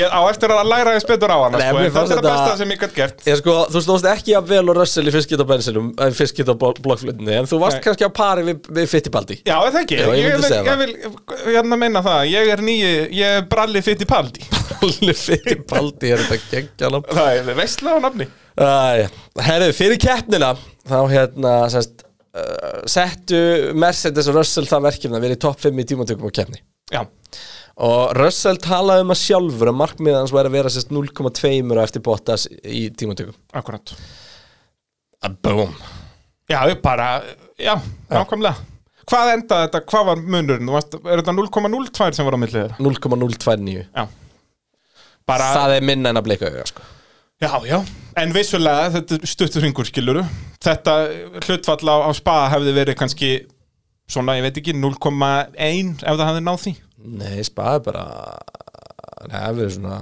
Nei, það verður svona 0,06 Já, reyndar, það er Bara bara tvöfaldar þetta Já, tvöfaldar þetta bara, ég er ekki svo segur í starffræðinni Það er bara, já, þetta er bara Þetta er bara rugl Já, geggjað, algjörlega geggjað og, og Russell, Russell, Russell, Russell Þvílgun maður Já, förum í ræsinguna um, Bottas ánáttúrulega bara að ræsa á miklu hraðari helmingnum heldur en Russell en Russell kemst bara nokkuð örglega stað og sko, talandi um það kúplingstakkin Já, eða pedalin já. eða hvað sem er flipin Þetta er flipi á stýrinu bara hann er semst allt og lítill eða semst hann er fyrir miklu minni putta því Hamilton er Já, gett með litla putta auðvitað, já. þannig að Russell þurfti einhvern veginn að nota svona insta og vera einhvern veginn gett astnalur á honum í startinu En við Aftur hluturum geggjað, bara, já. já. Og með, þú veist eins og Verstappen var fyrir aftan hann á betri helmingnum brautin á mjúkudekkjónum meðan að Russell var á mitti hann var samt að gera, ég meina, koma samt nánast þrýr inn í fyrstu Já, bygg sko. já. en, uh, og Russell sem sagt, nær fram úr uh, Bottas í startinu á geggjan hátt Neitt lélegt startið á Bottas að Bottas sökkar í stöttum Já. Bottas var samt jafn fljótur á stað Nú er það, Já, fokkar en bara- þessu bara í girskiptingunum Bottas bara ónaðan í svona, fa- ef við getum kallað annar fasi, þar Já, Russell- ónaði Russell hann Já, já og hérna Svona þegar þeir eru byrjaðar að grípa þá svona, En já ég er með mjög fyndi kommentina því eftir tvo ringi, semst, rétt fyrir keppna var ég að útskýra, dóttir minn nýjóra satt með mér og hérna ég var að útskýra fyrir henni semst, af hverju ég var svona spennti fyrir Russell Já. og hún alveg bara miklum áhuga hafði með þetta og eftir tvo ringi fyrir Russell var hann um fyrst stóðst í Russell af mér Babi, er þetta, er þetta þá bara bíllinn hjá Russell? Og ég bara horfði á hana, hvað hva mennur þið? Er bíllinn hans þá bara svona langt bestur fyrst að hann er bara nýr og er að gera þetta? Og ég bara svona, shit, ég var nýjóra krakki, ég var hann að segi, spá í þessu þetta er bara, og líka sem mikill við horfir ekki á einlægni, sko. formúluna Já, sko. já. Ég alveg bara 100% Það einlagni er bara- og ég bara svona, hvað meinar þú, veist og þetta er alltaf spurningin sem hefur alltaf verið að spyrja Já, um já. Hamilton Þetta er bara, ég veit ekki að hvað þú ert að gera með mig hérna ef þú ert með svona sérfræðinga bara heima við Það kost og byggð Já, það er svoleiðis, já, það er Þau vilja bara- alvöru cash Það er Já, hægt að budget- peka upp eitt bralla fyrir baldi fyrir lítið Þú finnur þá á næsta hringtorki bara hægri vinstri sko. Dásamlegt En um, allavega, síðan verður hann að kaos og Russell bara Já. nýta sér það uh, Öryggisbillin kemur út og hérna og Russell síðan bara gera allt rétt Bara og með bara, þetta bara í byggja hendi sér upp geggja fóskot og um, svo náttúrulega uh, þeir fá hann að radio uh, sko, mér finnst það svolítið áhugavert þeir fá hann á cirka 30. ring fá þeir, fá þeir radio call uh, sem er semst hérna, Bottas Stay of the Curbs og það sem mér fannst áhugavert við þetta var að sko, hann tilgrinir að both cars have one infraction Þannig að báði bílunar hafa einu sinni svindla Já. eins og það, þú veist, maður fann hvað það mikið spenna já, já, þetta var líka alveg sko, Þetta var- þetta þarna í var fyrsta fucking erfið helgi hlutanum, fyrir Bottas, sko. þá var, þá var Russell með yfirhöndina en síðan eftir stoppina þá er Bottas með yfirhöndina samt ekki, þú veist, Bottas hafi bara nokkra ringi og miklu nýri dekki þannig að hann tók bara bílinn niður í að sama og það var sko. þú veist, Já, það en var í við- við hefðum- þremur sekundum Við fyrir síðan fengum við stoppið ekki tækifærið á að sjá hvort að það hefði haldið áfram Það, það er svo svo góðu punktur Já.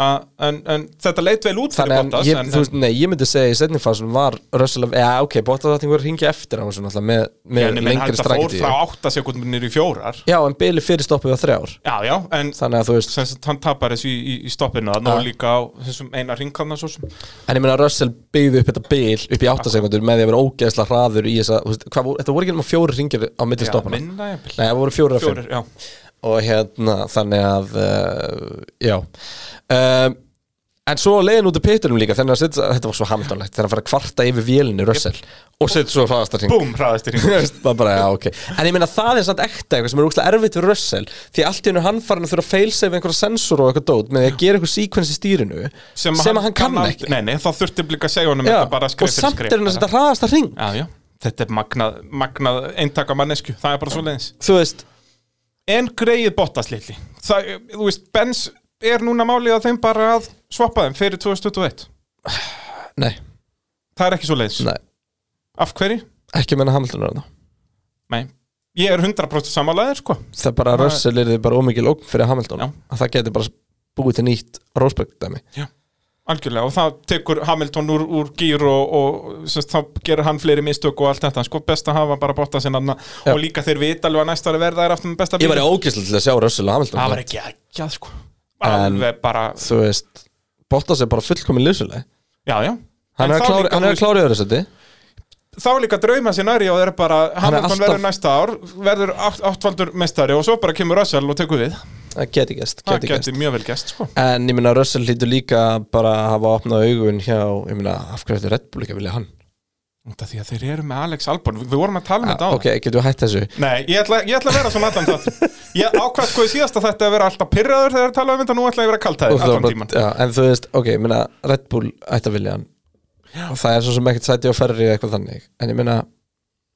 hætti hvernig einast að lifa grittun að vilja What a performance, eins og þeir segja Sturð, ég meina, hann vinnur þess að keppni tvísvar Já, já Og er bara með þetta í hendi sér, skilur og bara Já, ég meina, og, og sko meira þess að eftir gegn- fokkið Já, já, þegar hann, er- hann hafði allan tíman að Peres Hann Já. var að taka líku við halva sekúndu Peres á segir reyndar ekki, en, en hann hefði allan tíma í þetta hann nýtt. Hann var að taka Benz, plus DRS, plus þessi hraðamennu, plus betri dekkanu, allt, ekki, alltaf blessaði vertu.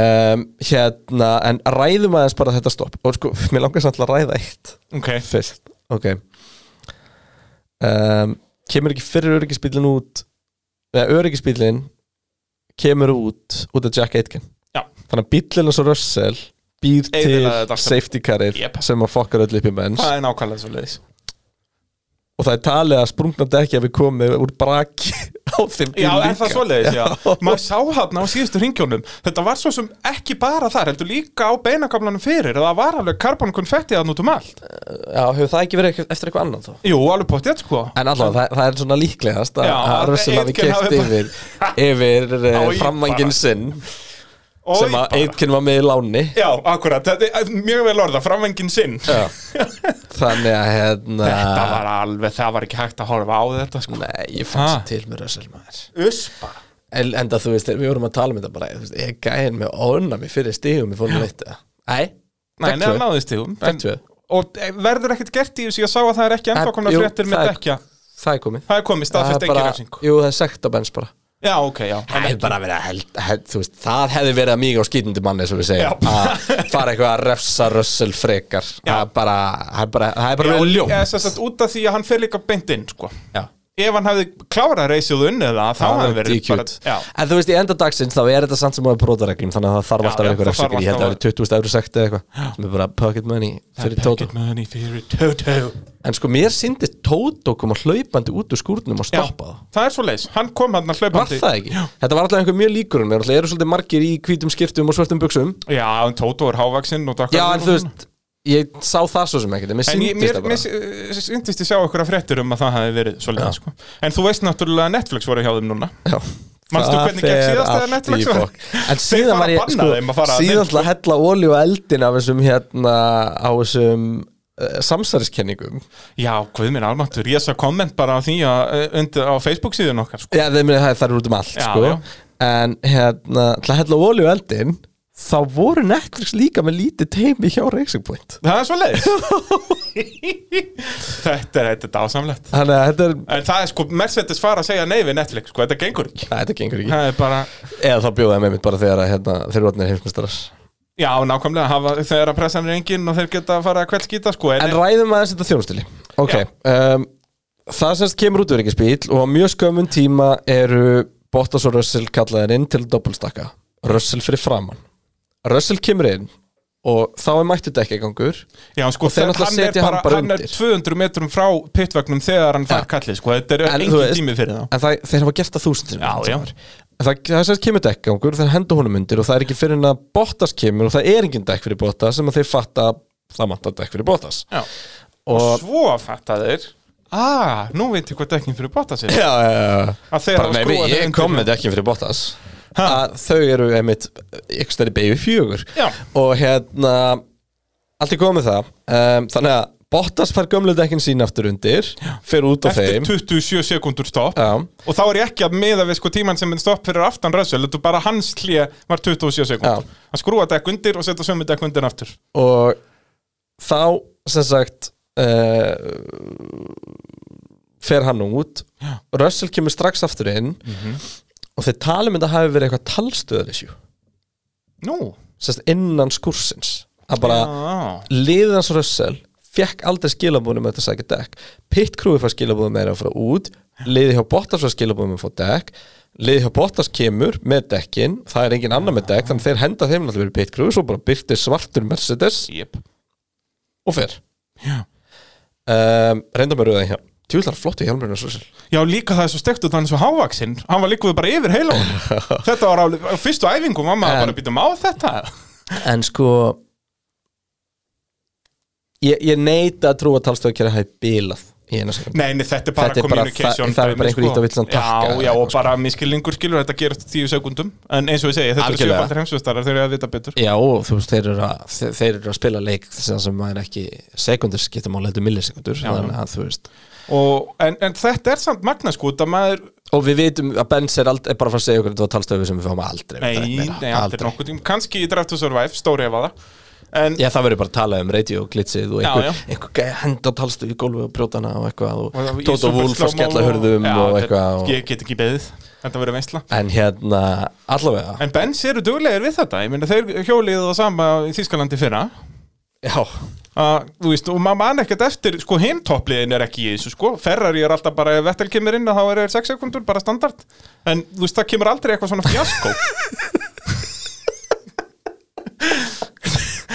Þetta eru bara, ég er bara að segja þér stað, staðrindir Ha, bit, nei, þessi með hvítan hjálm að, bit, við fáum okkur kaffi Já. Það er bara, þetta er magnað Við tölum um þetta á eftir En hérna, Benz eru, þú veist, Red Bull hafa aldrei, aldrei, aldrei, aldrei gert þetta Ef Nei. að Red Bull eru þrjársengundum með stoppa þá verður allir brjálæðir sko. að, Það er, Benz eru markmið þeir Ah, er bara mínúta, 1,9 sko sko. Ég segi það En, en Benz bara, hérna öll ártaka er allavega eitt mínútu stopp bara Já, laga ég þetta fíla léttir. það, ég fíla Já, ég- um að gera maður og líka orðin meistarar og... Ah, Já, það er bara þunnir og, og Já, sem- og allir, með COVID og, já, ég segi- Þeir fundu bara einhverja menn bara einhverja eh, hérna á ringtorkum í, í bara einn sko Ah. og bara heyrðu skvattast inn í skúrin Have you worked as tire? Já, það er, yes, kanta á skrælsett Já, mikið gott Kottu, kottu En hérna, já, þetta En allavega, síðan fyrir Russell aftur út Kemur út í fintasæti og baku Bottas Og ég En verða á að tala um hennar fastmótdekkjum. framurakstur Það var geggjaður Oh my god, hvað var geggjaður Og þetta líka, og þetta þannig er hann á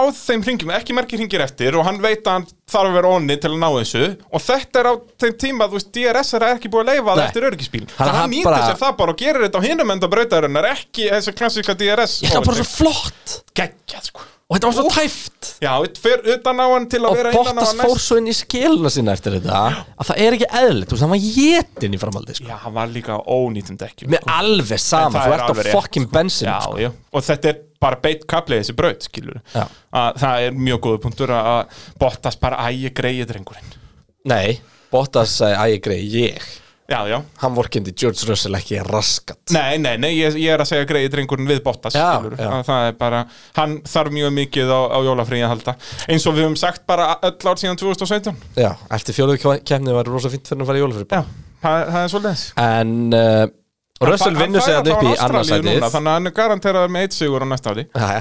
En Russell næsir upp í, upp í eh, annarsæti og er að hönda Peres sem er búin að byggja sér upp smá bíl og svo koma þessar fréttur um að það sé sprungi hjá Russell Og þetta var samt ekkert sko straight forward þarna hjá Russell að ná honum Þú veist, það komið hann nokkur hringir þar sem hann var að taka svo gott sem ekki neitt á honum Ég meina hann þurfti að Þá komast var fram verið úr sko. að hlaða stról hann þurfti að komast fram úr okkur Já, nei, ég er að tala um þegar hann er komin í annarsendi, sko Nei, hann var alltaf að hirða hann Nei, nei, það komið hann svona tveir hringir þar sem ég hugsa hann hafi bara verið að hlaða allt restlið skiluru Þá er það á 0 og svo byrjaði hann að taka 0,4, 0,4, Já, 0,4 kannski. Og, og hann hefði allan tíma náðunum 100%, Já, 100%. Það voru hann alveg hvað, 15 ringir eftir eða eitthvað, Algjörlega Sem er svo sem ekki langt Það í er alltaf tíma spurning, spurning hvernig Peres hefði varist þegar sigurinn er í búið sko. Já, en samt Á þessum beinu köplum með bensan En það er Ben- Benz líka Já, já, ég er allavega að segja Ég ætla að sá hann einhvern tímann þegar að ég manni hvað það var Stroll eða Peres var að leiðilega klörk Nei, byrju, hvernig var þetta? Það var einhver Ferrari að reyna að fara fram úr Það verður ekki verið klæðlega klörk Nei, hann var ekki Og ekki vettil, út af hann var bara að berast við Kimi Rækonin allan tíman Akkur fannst mér svona hefur að berjast við Racing Point allavega verið í kjölsöðinu og svo hefði hann bara náði hann ekki svona drag og fyrir út í kjölsöðinu og hann bara svona blú, aftur Já, stingur hérna. Bottet til Peres var að taka vettil Já, allir það ekki Já, bara hann á 15 Fæll var hann að svara Já. Geti verið Það var eitthvað þannig En þannig að við fengum aldrei eh, svona þessi tveir slægir sko, sem hefur verið áhugaverðir Peres og, og, og Russell og náttúrulega Russell Bottas Ég hafði alveg hugsað að Bottas hafði komist nær þarna í seinastindinu heldur en í fyrrastindinu en hvað veit ég? Já En Russell, hann átti þessa keppni skuldlust hann Já. var að fara að vinna þessa keppni Var hann ekki kosin dreifur þetta deg? 100% Ég mig minna það Já, þó Peres vann Já, nei, ég veit nefnilega að Peres var ekki kosin Þannig að það hlýtur að vera Russell Þetta er náttúrulega- Jú, ég, ég hefði kosið Russell bara út í að Já, líka þegar kostningin opnaði þá var Russell í fyrsta sendi Já. En um, allavega, þetta, er, þetta var eitthvað þessi kefni og algjört dásamlegt. rugl hjá, hjá Benz bara frá aðtölu og svo mikil ofni og, en Russell næra að klára í uh, hvað, nýjunda, áttunda sætinu Áttunda sæti held ég Hann og, er bara á og með eftir hraðasta hringin þannig að hann fær þá hvað, Fimm fimm stig, stig. fimm stig. Fjögur pluss eitt held ég, fimm stig Það er eitt, tvö, fjögur Nei, tvö, hann þurfur þrjú st- Nei, eitt stig fyrir tíunda, tvö fyrir níunda, fjögur fyrir áttunda Já, þannig að hann fær þá fimm stig Og hérna Nei, þú skrifar hans með þrjú stig nú, Hann ok, kláraði þá- líka hérna, í níunda sæti, ekki Hann áttunda kláraði, sæti já, við erum fullur á bílum Bottas kláraði í áttundasæti, sorry og Valtteri Bottas í áttundasætinu ömuluga, þú veist, Russell í frábæru nýjundasæti með það allt og Ru- Bottas í ömuluga áttundasæti Já, líka bara Russell, bara tveir hringir að viðbúta hann að náða Bottas Já, en sko, við slum heldur ekki gleyma henni þegar við erum að tala um dekkin og dekkaslit og eitthvað þannig dót um, De facto one-stoppar Bottas Já. þú veist, hann tekur stoppið sitt á uh, hvað, 60. og öðrum, nei, nei, nei, hann tekur stoppið sitt á, á hérna á 49. ring til samanburðar þá tekur Peres stoppið sitt á 47. Já. og þeir eru báðir á uh, Hard, er það ekki? hörðu dekkar þannig að Peres já þú veist, Benz Þú áttu veist, bara aldrei að Bottas fór 38 ring jú, jú, þeir áttu að gera það. Aha. já, sjálfsög, þeir voru með margirinn og taktu Já, stoppið, þetta það er svo átt sem að rétt. gerast Já, það er reynd Þú átt ekki, að- en þú veist, en maður skilur satt líka með og þá hefði líka alltaf verið sénsinn fyrir görðin aftan að vera á betið dekkjum síðustu ringina sko. Jep. en það breytir því ekki að Peres sem að vinnu keppnina samfarandi í endan með aðstæður, hann, hann er búin að kera tveimur ringjur lengur á hörðudekkjum heldur en Bottas, Já. sem er ekki cool sko. Nei, en hann náttúrulega fekk hennan svakalega buffer hérna, sérst, út af því að þegar Russell er komin upp í annarsætið að þá fara hinn er að slaka á þú veist, skiptir ekki Ocon- máli, það þýr ekki að Bottas eða þetta niður í sko. Nei, nei, áttunda það er alveg hárétt og eins og við tölum á þann að hann fór svolítið inn í skilina sína maður skilur Alexander Albon komið framörunum svo magnaðu ykkur maður, en þú veist Daniel Kvíat fyrir framörunum og hérna og eitthvað, Og þú einhverju veist. fleiri, já, hann var já. í fimmtasetti, hann missið Albon og Kvíat fram að sér nei, Með allt hann var í fyrir- fjórasetti, hann missið Rikki Ard og Albon og Kvíat hann er hérna En hvernig fannst þér, sko, við vorum að tala um hvað þetta var magnaða kappakstur Sko, mér fannst hann frekar leiðilegur, skiluru Ef við tökum allt þetta í burtu ef þetta, já, en þetta er hluta kappastri Já, algjörlega, nei, ég er að tala um brautin og Viltu fara á þessa braut aftur? mér fannst þetta alveg áhugavert til að brjóta upp, já út í því Já. þetta var brjálagslega stragetist um, Þetta var einmitt en ég veit svolítið ekki hvort það NASCAR stemning er þetta aftur á um næsta ári þegar menn eru með data frá þessu ári það. Já, þú veist, þetta hefði alveg geta verið bara ef við bara ímyndum okkur velinan dag Hamilton stingur af Bottas nummer 2 og minn úrslu veldur ekki gleyma að Verstafn er líka tekinn út sem Já. þýðir allt í unni að þú veist, hann já hefði Sainz var easily í auðveldu þriðasætti þarna framan af og allt þetta, sko hann hefði bara, hann hefði vinnið þessu keppni ef að hann hefði verið með núna sko. Blessaður þannig að þú veist, það var, það var margt í þessu sem að, sem að hérna, gera þetta en, en þú veist, brautin býður upp á öðru öll sko. þetta var bara eitthvað öðru ég er ekki ég er ekki harða, harður á því að þessi brauti að vera alveg eins og ég væri til í að fá þú veist, Porta Má aftur inn og eitthvað svona dót sko.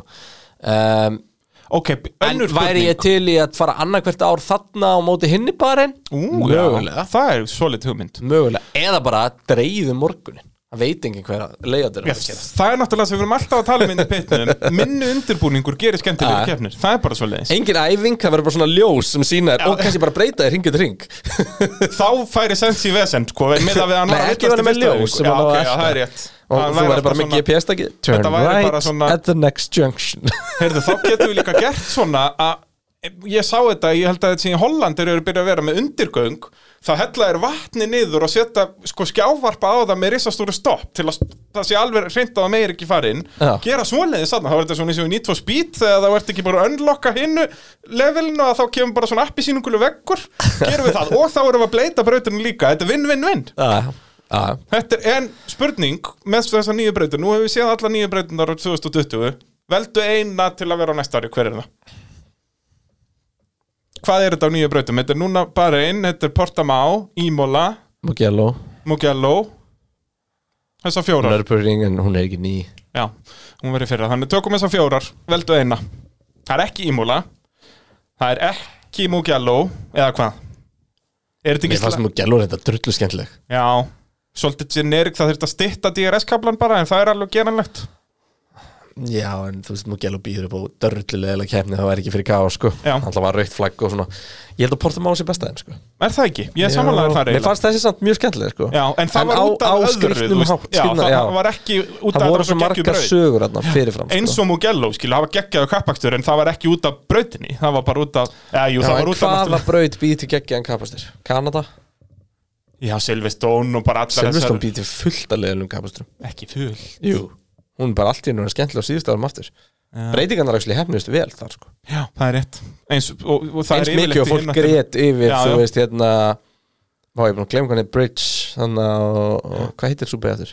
Hún heitir bara Bridge Heitir hún Bridge, Já, já. já Og þú veist hvernig eh, þær breyttu síðan hann að komplexi inn á beinakablan uh, En það hefnaðist bara Gamla ráskablan og geggjað, eitthvað. já. Bara já, bara hefnast frábælega Þannig uh, að þetta væri, væri Portamá sem við myndum halda Ef við mættum vel eina Já Ég held, ég er samanlegaður Ég myndi Já, hafa en Portamá þú veist ef ég mætti henda keppnum út og taka inn þá myndi ég alveg gera það Já, sko. blessa, verð Þú veist, ég þarf ekkert að fara til Sochi ég Við þurfum þarf ekkert að fara til Paul Ricard Paul Ricard, þú veist, það er fullt sem á henda þarna Barcelona er reyndar ágætur svona milestone í tímabilinu því að það er svona mjög standardbraut gefur Já. okkur alveg eftir þú veist, túrin allan, koma upgrades og svona þannig að hún er ágætur svona Já, það er- núlstilling Það er bara út af öllu þessu, það er ekki út af brautinni, skilur Nei, ég hefði viljað svo hér mér langar til að sjá hana Já, á YouTube. ég er samanlegaður þar Þeir eru búin að uppgreita hann eða ekki alveg Mér Hún er líka, alveg ég var með- til þess að mala sig aftur Þeir eru allt, uh, ú, já og Va, Það var eitthvað verið að tala um núna í COVID að þau myndu að fara þangað en Já, það var svo ekkert úr var því. ekkert úr því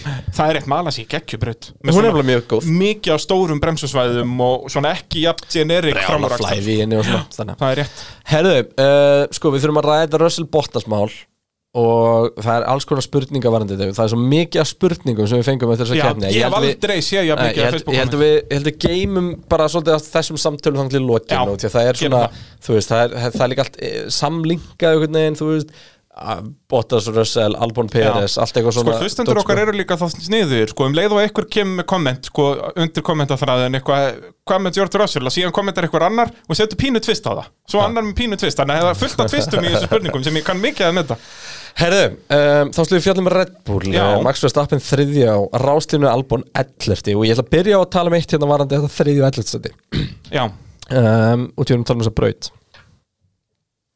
Albon var nákvæmlega lélugur og alltaf Mhm. hann, var, hann var 0,07% um hægari þó að það sé ekki sama Nei, 0, tíma fyrir en ekki, svo sem prósent- 0,7% um hægari Jep, heldur en Verstappen eins og munurinn gengur bara gerist. sá var að það voru bara sjö bílar sem allt í einu pössuð inn í það blás núna Jep. þannig að þú veist að komast ekki upp í gútt tveimur og bara glata hjá honum en En bara hans standard þannig að hann er svona góður hann er bara nákvæmlega það og, ha- og sko það sorglega er að hann er búin að vera 0,7 hægari frá því í byrjun tímpil Já. hann hefur ekkert batnað, ekki neitt ekki neitt, 17 keppnir það er hrikalegt Ég, og ég ætla, ég ætla nefnilega að taka eitt af mig munurinn á Russell og Latifi er minni Já. og Ricciardo og Okkon og bara okkur var nú öðru sættum helgina okkur er búin að vera frábæri eða maður spáir í Núna því síðustu eftir tvær, þrjár ár. að Ég- eiginlega bara frá því að hún var sagt að grjótalda kjafti á Monsa Já, eiginlega, já, það er mjög góða punktur hann bara, bara, þegar hann er svona, bara komin í það headspace bara ok, ég er hérna nummið tvö, ég ætla bara að gera ég ætla bara að reyna að nálga strikkjart og ég ætla að hætta að bögga og bara do my job Já.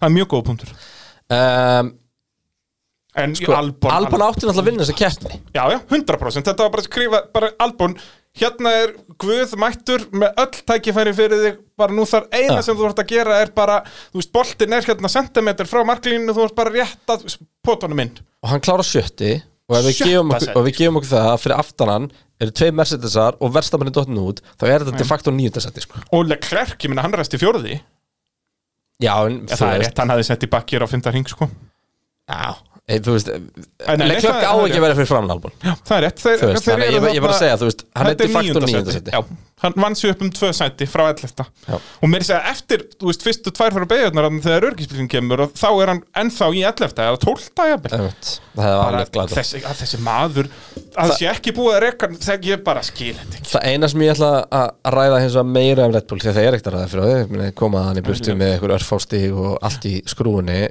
um, er aðeins þetta fyrsta og við ætlum bara að ræða það núna þú veist, við erum fara að ræða Racing Points og FR og allt það Hvað var Leclerc að spá? Já, já, þetta er, núna, hvað er, þetta- er hann oft búin að gera þetta? Þrísvar Þetta er þrísvarsinnum á þessu tekur, ári Hann bara tekur Fettel út alveg eins í, í Östuríki Já, hann tekur Stroll út alveg eins í Sochi og var næstu í búin að taka vettil út í síðustu keppni alveg eins Þannig að þú veist, þetta er bara Þetta er líka svo mikil óþarfi, sko sko, ég, það sem ég held að sé í gangi er það að hann veit að hann, hann, hann er alltaf búin að ná frábærum árangur á þessum ferri Mhm. -hmm. en það byggist allt á track position sko. Já, það byggist á frábæri tímatöku vera á góðum stað og og, ná tímatakan góð hans starti. þarna var frábæri við tölum það eftir og, en, en hérna að ná góðu starti, halda sætinu sinni að vinna sig upp Já. og þannig að hann er bara ógislega grimmur í það algjörlega en þetta var bara heimskulegt Já, bara hann átti aldrei séns þarna En vissulega Peres hafði alveg mátt gefa honum meira á speil nei, því Leclerc átti aldrei að koma nei, nei en Leclerc hefði ekki aldrei ná beginni sko. Nei, nei. hann kemur svo hratt Já, og, og þú veist, ok, tala um að fara yfir á skítur í hlutan og þú veist, bröðni þetta er köld og glórulaust hjá honum, þetta er sko. glórulust sko. Og ég- hann, hann veit líka alveg að skítur hlutin er með minna grip sko. Og ég er líka alveg ánæðar með það að hann fær refsingu fyrir Abu Dhabi fyrir þetta Þú veist, hann fær ekki refsingu í keppna, það er alltaf að tala með að first lap incident, bla bla bla bla Já, ég meina, þetta, er þrið, þetta er stræk þrjú sko. Ég segi það. þú veist, þetta er að vera nokkri púntar í, í kladdan og Já. bara, sorry Leclerc, en þú bara, þetta var Já, algjörður það hann á að vita betur og hérna, en með verstafin verstafin alltaf lendir þannig sé ekki í árekstur Nei, nei, hann það er klessir ekki á engin neitt. snerting Nei, nei. ég er með kenningu Já. og ég senda hann á því um leif Já, og ég, ég er sammálaðið þessari Er það ekki? Jú. Þú horfður að replay og ég er búin að útskipta þér Ég held og ég er ekki búin að sjá neitt viðtalið verstafmenn sem að staðfesta þetta að neyta þessu Verstafmenn fer hann út fyrir krasi og náttúrulega mjög áhugavert að verstafmenn gefur rosa snemma eftir Já, í hann er slagnum fyrstur við að bremsa fyrir þessa beil bremsana já. og og, ja, og, og Peres náttúrulega hann er hann í slagnum um, Leclerc bombar Peres og þannig að verstafn alltaf er utaverina Já, og svona þetta er svo vinstra megin. blöðurlegt því að verstafn er alveg in the clear sko Já, já, en hann gefur allt í botn Já, já. ég er alveg vissum út í að sko mölnana er grá eins og malbyggið og það er svo st- búið sléttan alveg í hérna í þessum ljósum hann heldur bara þessi malbygg Já. Ég er 100% sammálaðir Út af, eins og þú segir, hann gefur í Ég fór að skoða þetta núna aftur og bara 100% út af hann veit, hann hefur margótt farið út í öll þessi rönnafari og þetta er allt bara malbygg Mhm. sem er bara svona á litin og hann sér brautina þarna, það er eitthvað ekki að ykkur hann lengst Ég er bara að komast fram hjá þessum hérna, Racing Point sem er stoppinna Já, og já, halda og áfram bara kom út í, í fjórða eða þriða seti, ekkert mál, bara gefi botn og en svo bara heyrðu, já, ég er í möl Og vegg. Þú veist, þannig ég er alveg samanlega hann kjælt að þetta væri malbygg Æ, annars væri hann ekki að gefa í þannig það er, er alveg, og líka þú veist, þeir sitja þar neðarlega og bara Já, það er smá kantur hann og eitthvað já, já. En þetta er bara eins og litin Ég líka veit Þetta það. gerir svo hratt, skilur við Þannig að ég ætla, ég ætla að lofa því að að Þegar að versta minn labbar bara auðin í Abu Dhabi þá verður hann kíkja svona út fyrir Já. þessu staði Það um, sé mögulega malbygg En það er ekkit meira að ræða um Red Bull nema þá bara Albon Já, við Perestótt og það tökum bara þá tökum það allt bara. eftir Já. Og uh, og þá komum við liðunum sem komið upp í þriðasendi í kefnu bílasmenn já, og ég er beislega búin að tryggja sér þriðarsætti sem að þú sagðir að myndi ekki gerast Já, þá talaði um að McLaren væri búið að tryggja sér það Þannig að ég ætla að fara varlega núna í að segja að þeir séu búin að tryggja sér það. Sergio Pérez, 50 á ráslínu f- Sigur Búm Pá, bara bing, bara búm uh, Landstról, 10. ráslunni þriðja sæti í keppna og uh, sko fyrir keppna voru reysupunkti vandræðum því að sem sagt eftir veltun og stról Já. þá áttu verið ekki allar partan til að smíða bílinn Nei.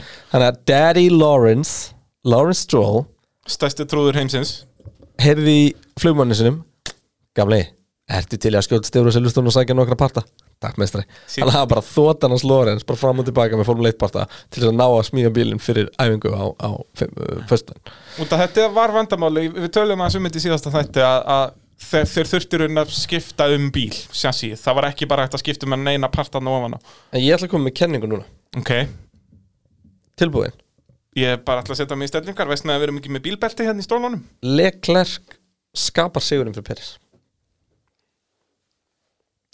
Með því að índónin er í síðasta sæti þarna Með ídunum mér verið á einstopp Strakkiði Já, Sem er tvö stopp já, já, en skilur En- hann, hann fer inn á, á öðrum fer, ring Hann fer inn á öðrum ring og, og er þá komin, þú veist, hann ræsir á mjúkudækjónum með það ekki Jú og setur þá Sem mít voru í- ömuleg kentstæk já, já, lungu Setur uh, millihörðu undir Maður svo öllar með alveg á hreinu já, Ég held að Setur millihörðu- setur millihörðu dekkin undir Nýjan ganga feim Keiri sig þarna upp Og tekur svo bara ganga hörðu Þannig að hann er komin í voru einstopp strakkiði Okkur var líka á einstoppi Stroll var líka á einu stoppi nema þeir voru, sérst, ok, Stroll var á mjúkum og, og Okkon á, á Vilmsörnum akkurat um, síðan þeir sem eru á bakvið er allir á, á tveimur sko. já, já. þannig að Þetta er mjög þessi góður einstopp punktur. strakiti og náttúrulega ef það er einstopp strakiti í bóði en hún er marginal þá vitum við hverju maðurinn í jobbið Já. það eru, Það það eru er- tveir á gritinu, annar heitir Lewis og hinn heitir Sergio já, þeir kunna Og- að hugsa um dekki sín og hérna þannig að ég er með þá kenningu að þessi keppni hefur unnist út af þessu þetta er mjög góð kenning ok, hún er þetta vannst út af því að versta myndi þetta út og Russell og Bottas voru Já, vandræðum já. en þetta er ástæðan fyrir að hann er fjórði eða þú veist, first of the last eða, þú veist, first, Já, best sko- of the rest og hérna og, og næri þessu og sko þetta er líka finnst mér svona eh, mælikvarði á hversu góður PRS er er sko, ef að þetta hefði bara verið vennileg keppni og bensarnir og Red Bullarnir hefði verið þarna fyrstir eða Red Bullin Mhm. og hann, þá væri við núna að tala um bara heyrðu PRS ólsegur að vinna sig þarna úr síðasta og endaði í 50 bara eins og vennulega, eins og hann gerir alltaf Þannig að þetta var bara mjög basic hjá honum, já, hann vinnur bara- vinnur eins og bara í gegn. sko stóri punkturinn í hans keppni er þegar hann nær hérna, Stról. þegar hann nær stról Það, stról er, gerir mistök. það er eina skipti sem þetta var í hættu hjá hann Já, því að stról hefði alveg eins geta verið svo sem var að berast með hann sigur algjörlega, Hann þeir eru á gerir- sömu strategíu og, og, og hann gerir bara mistökan. Ég hugsa að Peres að alltaf komist fram úr, en það hafi verið mun erfiðar. Stról skeiti deg og talaði Já, um það í hann viðtölum tapaði eftir. einhver ringjum á þessu sko og, og hann hérna talaði mig í viðtali eftir að, að ég veit að ég gæti unnið í dag, ég gerði bara mistök með að læsa framdekkið hann. Já. Þannig að þar, ég vinst þetta svolítið hjá Peres og, og bara þvílík, sko þvílíkt fyrir teil hjá Peres, hann er núna á metið fyrir flestar keppnir fyrir fyrsta sigur 190 keppnir Mark Webber í öðru sæti þar með 130 og Rúbens Barri Kjelló með 123 Já, Um, En hann í staðin verður aldrei gauður sem fer í bækuna fyrir það að kera flesta keppnir og vinna aldrei og vinna aldrei, nei, já, það- en langar mann að vera í þeim bókum Nei, ég er að segja, Já, já, það, það er, er- það er bókin sem vilt ekki fara í Akkurat um, En Peres náttúrulega er Magnað- ekkert góður sko maður skilur vel að hann er ég, ekkert í ég, ég formúlunum nefndi næsta áður sko, þegar ég, þegar ég kefti á mótunum Já. um, fyrst sigurinn hans kom með mitt úr síðastæti í, Er það í svoleiðis? þe- því ári og hann gerði að tóta í röða á Monsa það var djúvillig magnað Hann er alltaf góður, ég man að hann var alltaf góður í Kanada alltaf góður í Monza já, hann er bara, hann er bara trullu góður skil. Nei, hann er nefnilega, ég, ég vill ekki hafa hann í formúli 1, hann kann ekkert í formúli 1 Ég ætla að v- vinna meira með kaltanisbrallan bara í- gegnum allan þáttin já, ég veit það ekki. Albon er sá besti, Peres kann, veit ekkert hvað hann er að gera Já. Og hvað ætlar það að segja um Fettel sem að fara í bílinn Þetta er náttúrulega fjórfaldur heimsvæmstæri og þetta er virkilega vel skilið Hann er með 33 punta í, uh, þetta ár Ég held að ég hafi skrifaði skjalið sko að Ef að he- hérna, Racing Point hafi tekið Vettel fyrir tímabili núna að þá væri þeir í sjötta seti Ef þetta eru 33 stygg hjá Vettel plus 74 hjá Strón ah, ég er reyndar engar ágjör að Fettel getur ekki gekkja hluti í þessum Nei, ég er sko. alveg samanlegaðir þar sko að, að þetta er, hann er svo bara upp og niður sko en sko já, þú veist þetta var bara Ég var að hlusta á hvað Peres hérna, emotion í talstöðunni eftir kemni, þetta er mjög dásan til í það. Yes, Checo, P1. Yes.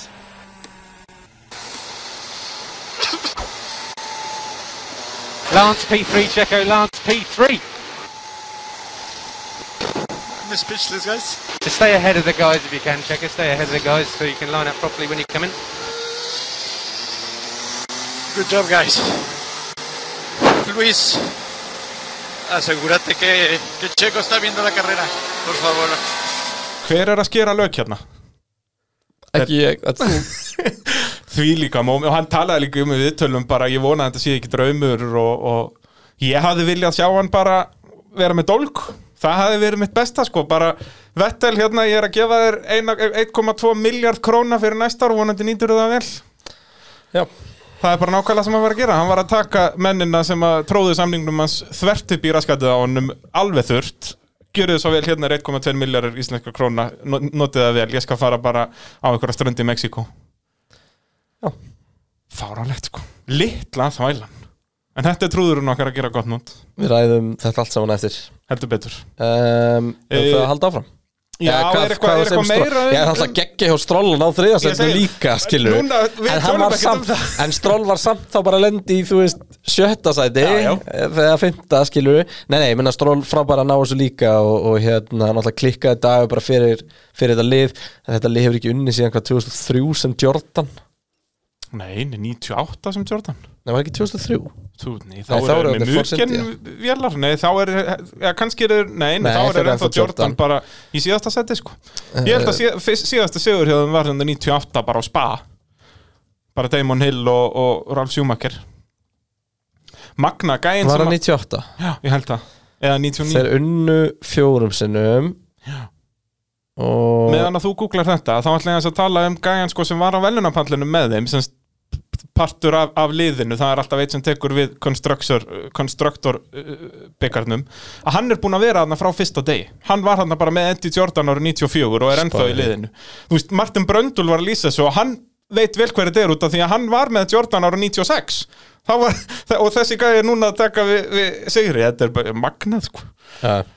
En þetta er sem sagt, já, Jordan liðið sem varð Force India sem að varð eh, Racing Point Já, jú, þetta er 98 örgla, örgla rétt hér Þeir eru Og þá umulegir voru, eftir það þá voru þeir aftur með tvo á palli en þá voru þeir fyrst á öðru Þannig að það var ekki, Já, hann var ekkert varið í þetta um helgina ekkit var í þetta sko ekki neitt. En ég meina, þú veist að gaman fyrir Racing Point að ná þessu áður Já, en að liði já. verðið að, uh, að Aston Martin Aston Martin og, og Og nú eru þeir í svo góðum málum Þeir eru með- í þriðasæti með 194 stig meðan að McLaren eru með 184 Já, þetta þarf bæði núna að vera þannig að sko Racing Point þurfa að skýta hressilega og McLaren að eiga frábæra En keppni. bara síðustu helgi að þá var tvöfald í NF hjá Racing Point Og það Algjörlega, er ekkert mál fyrir McLaren án á tíu stigum ef að þeir báðu þetta út sko algjörlega og þessi midfield er þannig að þú veist, ó, þetta er svo og ímyndaður hann minnir mig á það, ég er slag í ekki búin að gera þessum- spá en það er þess ímyndaður samt hann slag núna sem búið að vera í midfieldinu bara frá um mitt tímabil bara um leið og svona fórum virkilega að pæla í því þegar að Hamilton og Mercedes voru búin að vinna allt og alla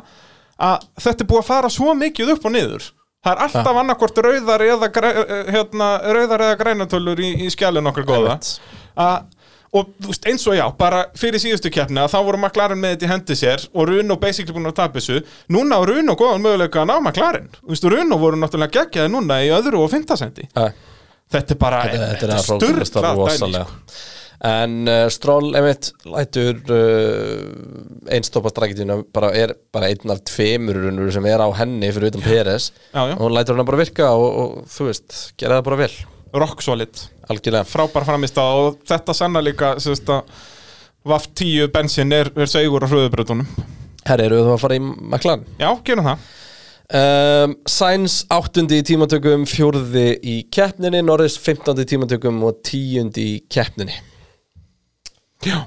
það er gekk ekkert hjá Norris bara strax frá tímatókunum í rauninni hann, þau klikka alveg hann í Q2 að að hann næri rauninni ekki hröðum ring hann fer snemma út og um miðjan ring áttar að segja þau heyrunni þetta verður ekki góður ringur, slakar á, Já. er alltaf að reyna aftur og svo einhvern veginn gerast það sama þá Það er alltaf með tímatökuna skulle heldur ekki gleyma að með sko traffík Ég veit, Það þetta voru er aða svo- bílunum jafnt á brautna, það eru 170 metra á milli þeirra Já, og þá erum við að tala um fullkomlega jafna Já. sem sagt, að, að þetta var ekki- alveg Þetta var disaster Þetta var alveg- Og maður átti alveg eins vona að Görns og Russell myndi lendi vandræðum þá Já, já, og mér fannst magna bara hvað voru eiginlega engin vandræði í tímatökum það var eiginlega bara Nei, ég held Norris að þarna. það sé svolítið út af því að það voru bara allir svolítið hraðir þarna Já, Þú veist, þannig að þú, þú varst að elta bíl Já En það þú slapp varst ekkert alveg. að taka mikið meir en si- þú veist, Hvað var í, í Q1, hvað var mikil munur hraðast og hægast Ég spóði ekki í því Já, það er þetta góð Bottas var 53-9 Já, Fittibaldi 55-4 En ef við mínum sem hann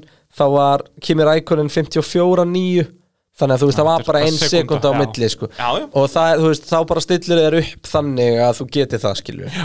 En sérst, eftir hennan eh, þessu skitu hjá Norris í tímatökunum og leiðinu að- að þá ákveði bara að setja nýja vél í fyrst hann ætlaði bara, var bara að fara að ræsa 15. eða Ja. eitthvað, þá um að gera bara ræsa eftirstu og vera með nýja vél, náttúrulega bæði fyrir þessa ofurhauðbraut Og og, næstu. Abu Dhabi sko, Abu Dhabi er mikil powerbraut og þá Einmitt. er gott að vera með nýja vél, sérstaklega hún í slagnum við Racing Point, þannig að þetta er ekkert búið en síðan keppninu Norris byrjaði, hefur séð startið hjá honum Þetta er svona eiginlega bara eins og Kimi Rækonin og Porta Má, þetta var sturlað Hvað upp í hvað seti var hann komin? hann fer upp í tíunda heldur, nítjánda upp í tíunda í þremur beigjum, skilu, Ah, það var ekki vel einu gert. svona á heilum ring, þetta var alveg, þetta var svona tölvuleikja stemming bara En stoppaði samt fyrstur í þessum svona hefbundnu stoppum Já. og það er mjög áhugavert ef maður spáir í því sko, að Norri sem fær frjálst ekkival ræsir á mjúku þannig að maður spyr sig ef hann hefði nú ræst á millihörðu og farið í eitt stopp hann var fyrir framann Peres Já.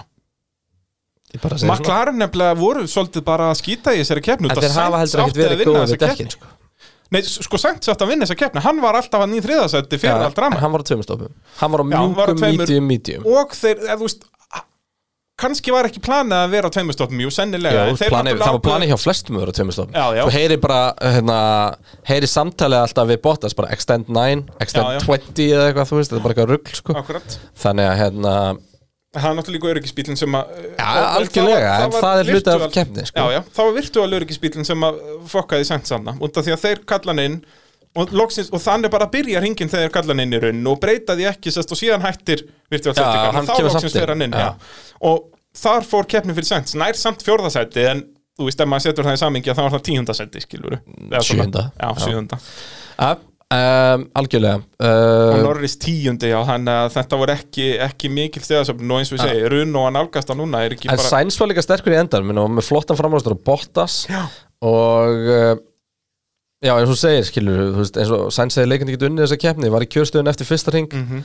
og já, en þurfum við eitthvað að ræða þá meira við að ræða Runo Gerum það, geggjur En, kefni já, geggju keppni, en það fór svolítið ekkert fyrir þeim Nei, nei, þeir eru mjög lúmskir í þessu sko, bara þú mála veist, bílinn sem svartan ég, og bara... ég tók reyndar eftir þannig, mið, eða svona, s- bara eftir, í bara fyrsta hluta keppnar bara svona, herri, ég byrja, okkon ræsir ætlefti, er á einu stoppi hann gæti alveg verið í aðstöðu til, að- til að sko vinna best of the rest Já, en svo bara hugsaði, nei, okkon er bara ekki með gæðinni sko. Já.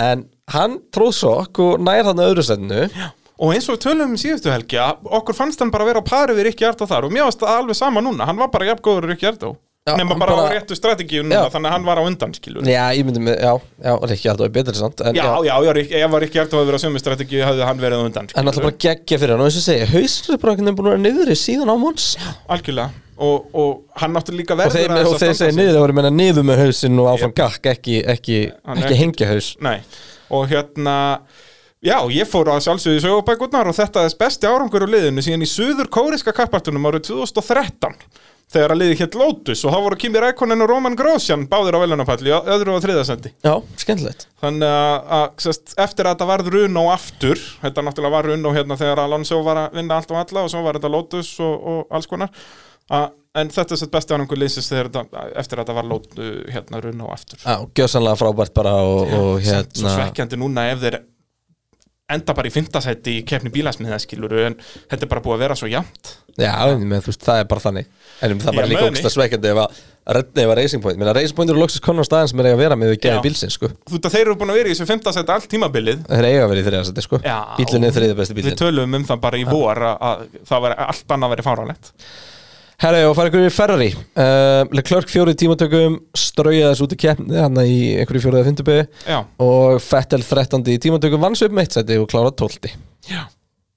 það er hérna og Vettel náttúrulega alltaf með sitt klassiska 6,5 sekundar stopp eða hvað þetta var bara það Þetta er náttúrulega bara ekki lægi, sko Nei, og eh, þetta er líka alltaf vettel Alltaf. Maður skilur alveg að það eru komnar einhverja samsæringu, eh, samsæriskenningar um þetta skilur Leclerc hefur aldrei lendi í þessu meðan vettel þetta gerist í annar ykkur í keppni Já Algjörlega faralegt En það er eiginlega ekkert fyrir okkur til að ræða Já, sko, eitt er þetta jú með Fettel uh, Eftir uh, þriðjaæfingu þá um skiptu verið mótor í bílum og Fettel Nú, Já Og aftur er það inni þá- Gamla mótor alveg rétt, já, hann var að keppa Það- með gamla víl Já, þannig að hann var ekkert með crisp mótor ferði tímingin nýjum, bí, nýjum, nýjum, nýjum mótor fyrir Nei, ég má- nei, ég ætla þessi ekki hættir að smíða þetta en þetta er þetta handónýtt ókjöf Já, fyrir þetta Það En er bara, hérna, þeir takk ekki þátt í þessu kjöfti Þannig að þú veist, léli vél nummer eitt og, og gömul nummer tvö Já, og, þannig að það á var ekki svona hjálpar braut þú veist, Þetta var bara, hann var allan tíman í þessu enskinsmanns landið þarna milli formúli 1,5 og formúli 2 Já. Þú veist, þeir Giovanazzi og þeir voru aldrei að fara að ná honum en hann var aldrei að fara að ná Alfa Tauri, þú veist, Gastli og þeim þannig að bara, já, Og eins og við segjum á hann, þá náttúrulega fær Leclerc grid penalty fyrir Abu Dhabi, við rættum á hann já 100% honum að kenna fokkin heimskulegt, ekkert annað heldur betur og en hvernig, sko, við erum svolítið ósamála með hvernig þeir mun ganga í Abu Dhabi ég held að þeir verið hrikalegir, sko Já sko, ef að, ef að Fettel verða ennþá með þess að gömlu vél þá verður hann bara hverki já. og Þeir verða Leclerc fær skárri en ekki þarna. takkposisjón Ég meina, en jú, við þurfum náttúrulega að ræða hana tímundekurinn alveg klörk, þú veist, sko. hvaða rugl var þetta? hvað, hann ræsi fjórði eða ekki? Ég ándjók skil þetta ekki, Og hann er sko hann er 0, hann er tæpum 0,3 og eftir Bottas Er þetta ekki eftir að reglunum var breytt með partimótin? Hafa þær þá ekki verið Skárri. Klerk, já, ég segi, en En þú veist eins og ekki- Mugello og þessum breytum þegar hann náði hann að Já, fjóða en ég meina, mér er alveg sama Þú veist, þetta er geggjaði tími sko, 53, 63, hann er hraðar en Peres hann er hraðar ekki Ardó En svo náttúrulega er reispeysið þeirra bara ekki neitt En þú veist, ég er að ekki á pæla fættan hvað alltaf, við sáðum alltaf ekki hjá Leclerc Nei, bara í síðustu keppnum, skilur Hann Já, er ég meina, alltaf bara á samt 15 ríksettum í búinn að lúmskast inn, bakki í- inn á velunapalla á til sko. Já, á ég er sem fallegt einn og moment. einn í keppni, sko uh, sem að einmitt gerðist í beitni á baku Ted Gravitz í Ted's Notebook Nú? þar sem að Leclerc er að hlaupa að leita Peres og knúsa hann og skoða Ó. hann ekki og, og svo að- eftir svona þrjár sekundur voru ég byrjað að ræða byrjum núna hérna svona með höndunum hérna og eitthvað svona, þú veist, eins og allir aukum Þetta er kapastisaukumenn og hérna og uh, já, það var, það var skemmtilegt Heldur betur Herru, höldum við áfram Þetta verður svaðalegu þáttur maður Já, já, við erum komin í alveg einn og hálfan Uss.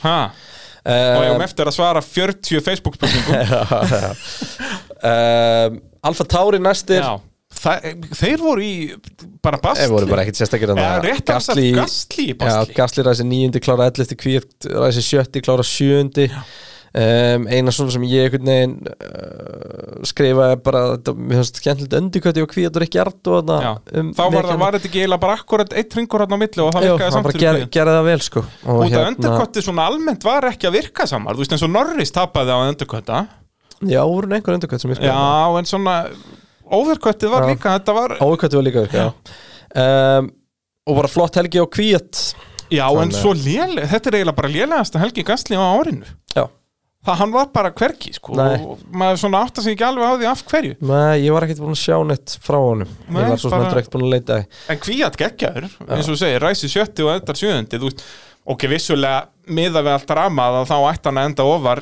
ef hann reysi sjötti en náttúrulega Alfa Taurin hefur ekki þetta race pace þannig að hann bara svona gerði allt sem hann Já, ég meina gerði tímatakan bara hví, þetta var bara geggið alveg heldur betur og eh, hefur núna verið hann var líka góður á bara einu Það reyfs eitthvað aðeins í ganginni undir restina Það er eitthvað með þess að Red Bull gæði og samninga Já, Með já. Red Bull. Há, há kemur motivation Um, Alfa Romeo, Rækunin ræsir 19. klárar 14. samt spinnar hann á fyrsta ring og Giovanici ræsir 14. klárar 13. og mér finnst það skemmtileg punktur í þér Bragi. Já, ég sjálfsögur fór í sögubakvöldnar eins og mér einum í lagið og, og núna þegar Grósjan og Hamilton var ekki með það þá var Kimi Rækonen átta árum eldri heldur en næst eldsti maður á grittinu Átta árum! Þú veist, menn eru líka við byrjar að keppa átta ára sko. um, og uh, en Giovanici bara fín hann var fljótastur af þessum, þessum Formule 2 Já, um, og alla helgin einhvern veginn, bæði í tímatökum og keppninu var hann bara bestur af þeim hann Uh, Haas, uh, það var staðfest fyrir helgina að Formule 1 fyrir Róma Grósjan er lokið Já.